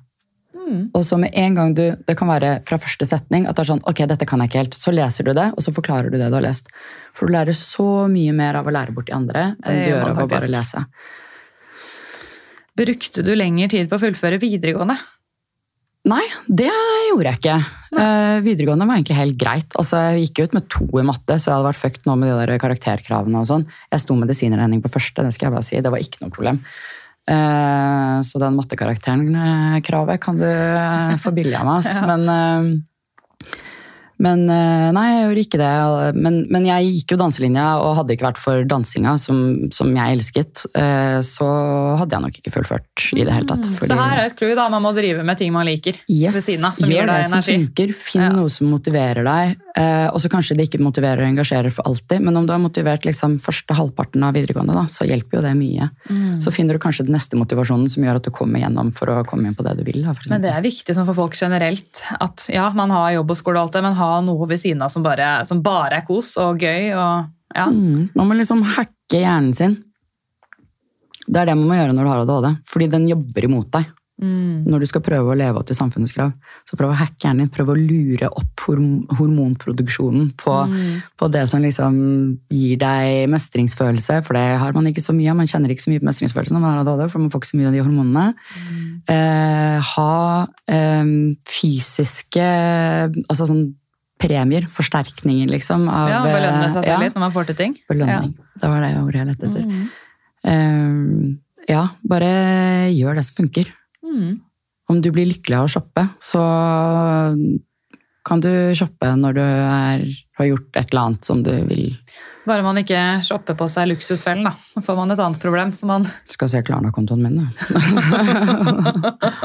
Ordner seg, Ja. altså. Så ta det tipset med en klype salt, folkens. Eh, Se an budsjettet litt, så ikke det plutselig havner i luksusfellen, for der vil man heller ikke være. Nei, men det kan være en sjokolade, eller det kan være et par jeans man ønsker seg, eller vet ikke. Bare finn noe liksom, som gir en sånn ytre motivasjon og belønningsfølelse. Da. Er det noe mer du vil si til eh, lytterne før vi runder av? Eh, jeg vil si at eh, hvis du har ADHD, eller tror at du har ADHD Ok, hvis du tror at du har ADHD, finn ut av det, så slipper du å tenke på det. Det er det beste. Ja. du og be om en utredning? Hva sa du? Be om en utredning, rett og Ja, slett, ja, hvis man Jeg- eh, jeg- kjenner seg igjen i mye av dette og strir litt? Ja. Eh, og sørg for at du kommer til noen ordentlige folk, fordi, og at du får en ordentlig utredning, liksom. Eh, les på internett. Eh, husk at eh, alt gjelder ikke alle. Så om du finner ting du ikke kjenner deg igjen i i det hele tatt om når du har en ADHD-diagnose, så er det greit. Eh, slutt å prøve å gjøre ting som ikke funker for deg. Gjør det som funker. Follow the dopamine. Har du noen tips til hvor man kan lese på internett? For det er kanskje ikke alle steder man bør lese heller. Det er mye svada der ute. Uh, ja, altså alt på ADHD Norge er vel ganske greit. Eh, hva var det vi fant på eh, felleskatalogen? Felleskatalogen det er en en- psykisk forstyrrelse. Ikke les på Felleskatalogen om ADHD, les på ADHD Norge. Ja. De har samla informasjon og oppdatert informasjon. Gjør det. Og mye amerikanske sider også, som er sånn nevrosider, hvor det er mye god informasjon, og de blir jo saksøkt hvis du sier noe feil, så derfor er det kan det være greit å, å stole på gode amerikanske kilder. Da. Det er mye dritt der også, men Um, Og så er det noe som heter dinhjernehelse.no, var det det det var? Sendte jeg? Ja. uh, der kan man finne forskjellige sånne derre strategier og Det å holde orden hjemme, f.eks. Huske å pusse tennene, huske å legge seg, eh, huske å vaske klær, huske å ta klærne ut av vaskemaskinen. Alle sånne små, banale ting som alle tror det er det enkleste i verden for alle. Det er vanskelig for oss med ADHD. Og det kan være ganske flaut å si det, eh, fordi man tenker at det bare er en selv som har det sånn. Eh, Jeg har slitt så mye med det at jeg ba om hjelp fra kommunen. Det som kalles nedsatt boevne, rett og slett. Ja. Det, det, ja, men det er en greie. Med veldig mange hva skal jeg si, Ja, ja, tilstander og lidelser så får man nedsatt boevne fordi hjernene bare Mm. ja. Og så koster liksom resten av livet så mye energi at det, da neglisjerer man gjerne liksom seg selv og, og hier sitt først. ikke sant? Fordi man skal funke på jobb, man skal funke sosialt, man skal funke Da er det ikke alltid man har energi til resten.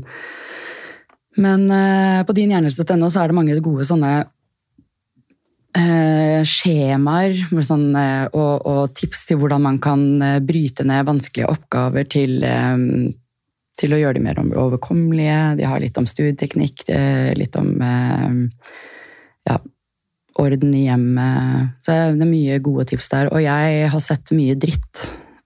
Jeg har blitt tipsa om mye rart som absolutt ikke funker. ADHD-apper og lister og som bare ja, bare dritt. Men, eh, men dinhjernelse.no, den kan jeg Den stå inne for deg i hvert fall. Yes. Ja. Da er det mange gode tips. Så hvis du sliter med å sette i gang med ryddinga hjemme, så um, kan du tenke at du skal rydde tre, tre sanger, ikke noe mer. Sett på, du skal ha tre sanger på Små mål Ja, om gangen. Mm. det er det viktigste. Mikromål. Gjør det overkommelig. Og orker du mer da, så fortsetter du. Men nå er vi over tida, så jeg skal slutte å snakke. Ja, nå har vi brukt opp ekstratiden. Så nå må jeg bare si Alva Larenas, tusen hjertelig takk for at du kom og gjestet Hjelp, jeg er sykepleier. Takk for at du ville ha meg. Takk for at du hørte på Hjelp, jeg er sykepleier. Hvis du likte episoden, blir jeg veldig glad hvis du vil dele den videre på relevante plattformer. Jeg blir også veldig glad hvis du vil anbefale den videre til venner, kolleger, medstudenter eller andre folk du tror kan få glede av denne podkasten. Hvis du vil få varsling neste gang det slippes en ny episode av Hjelp, jeg er sykepleier, så er det bare å trykke på abonner-knappen her hvor du hører på podkast.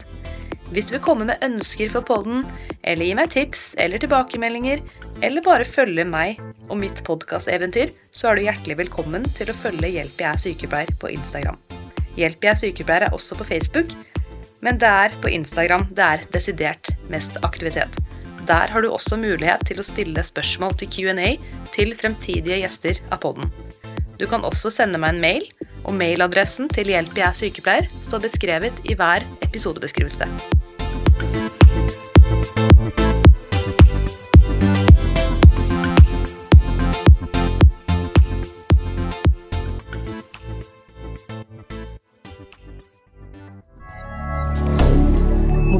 Media.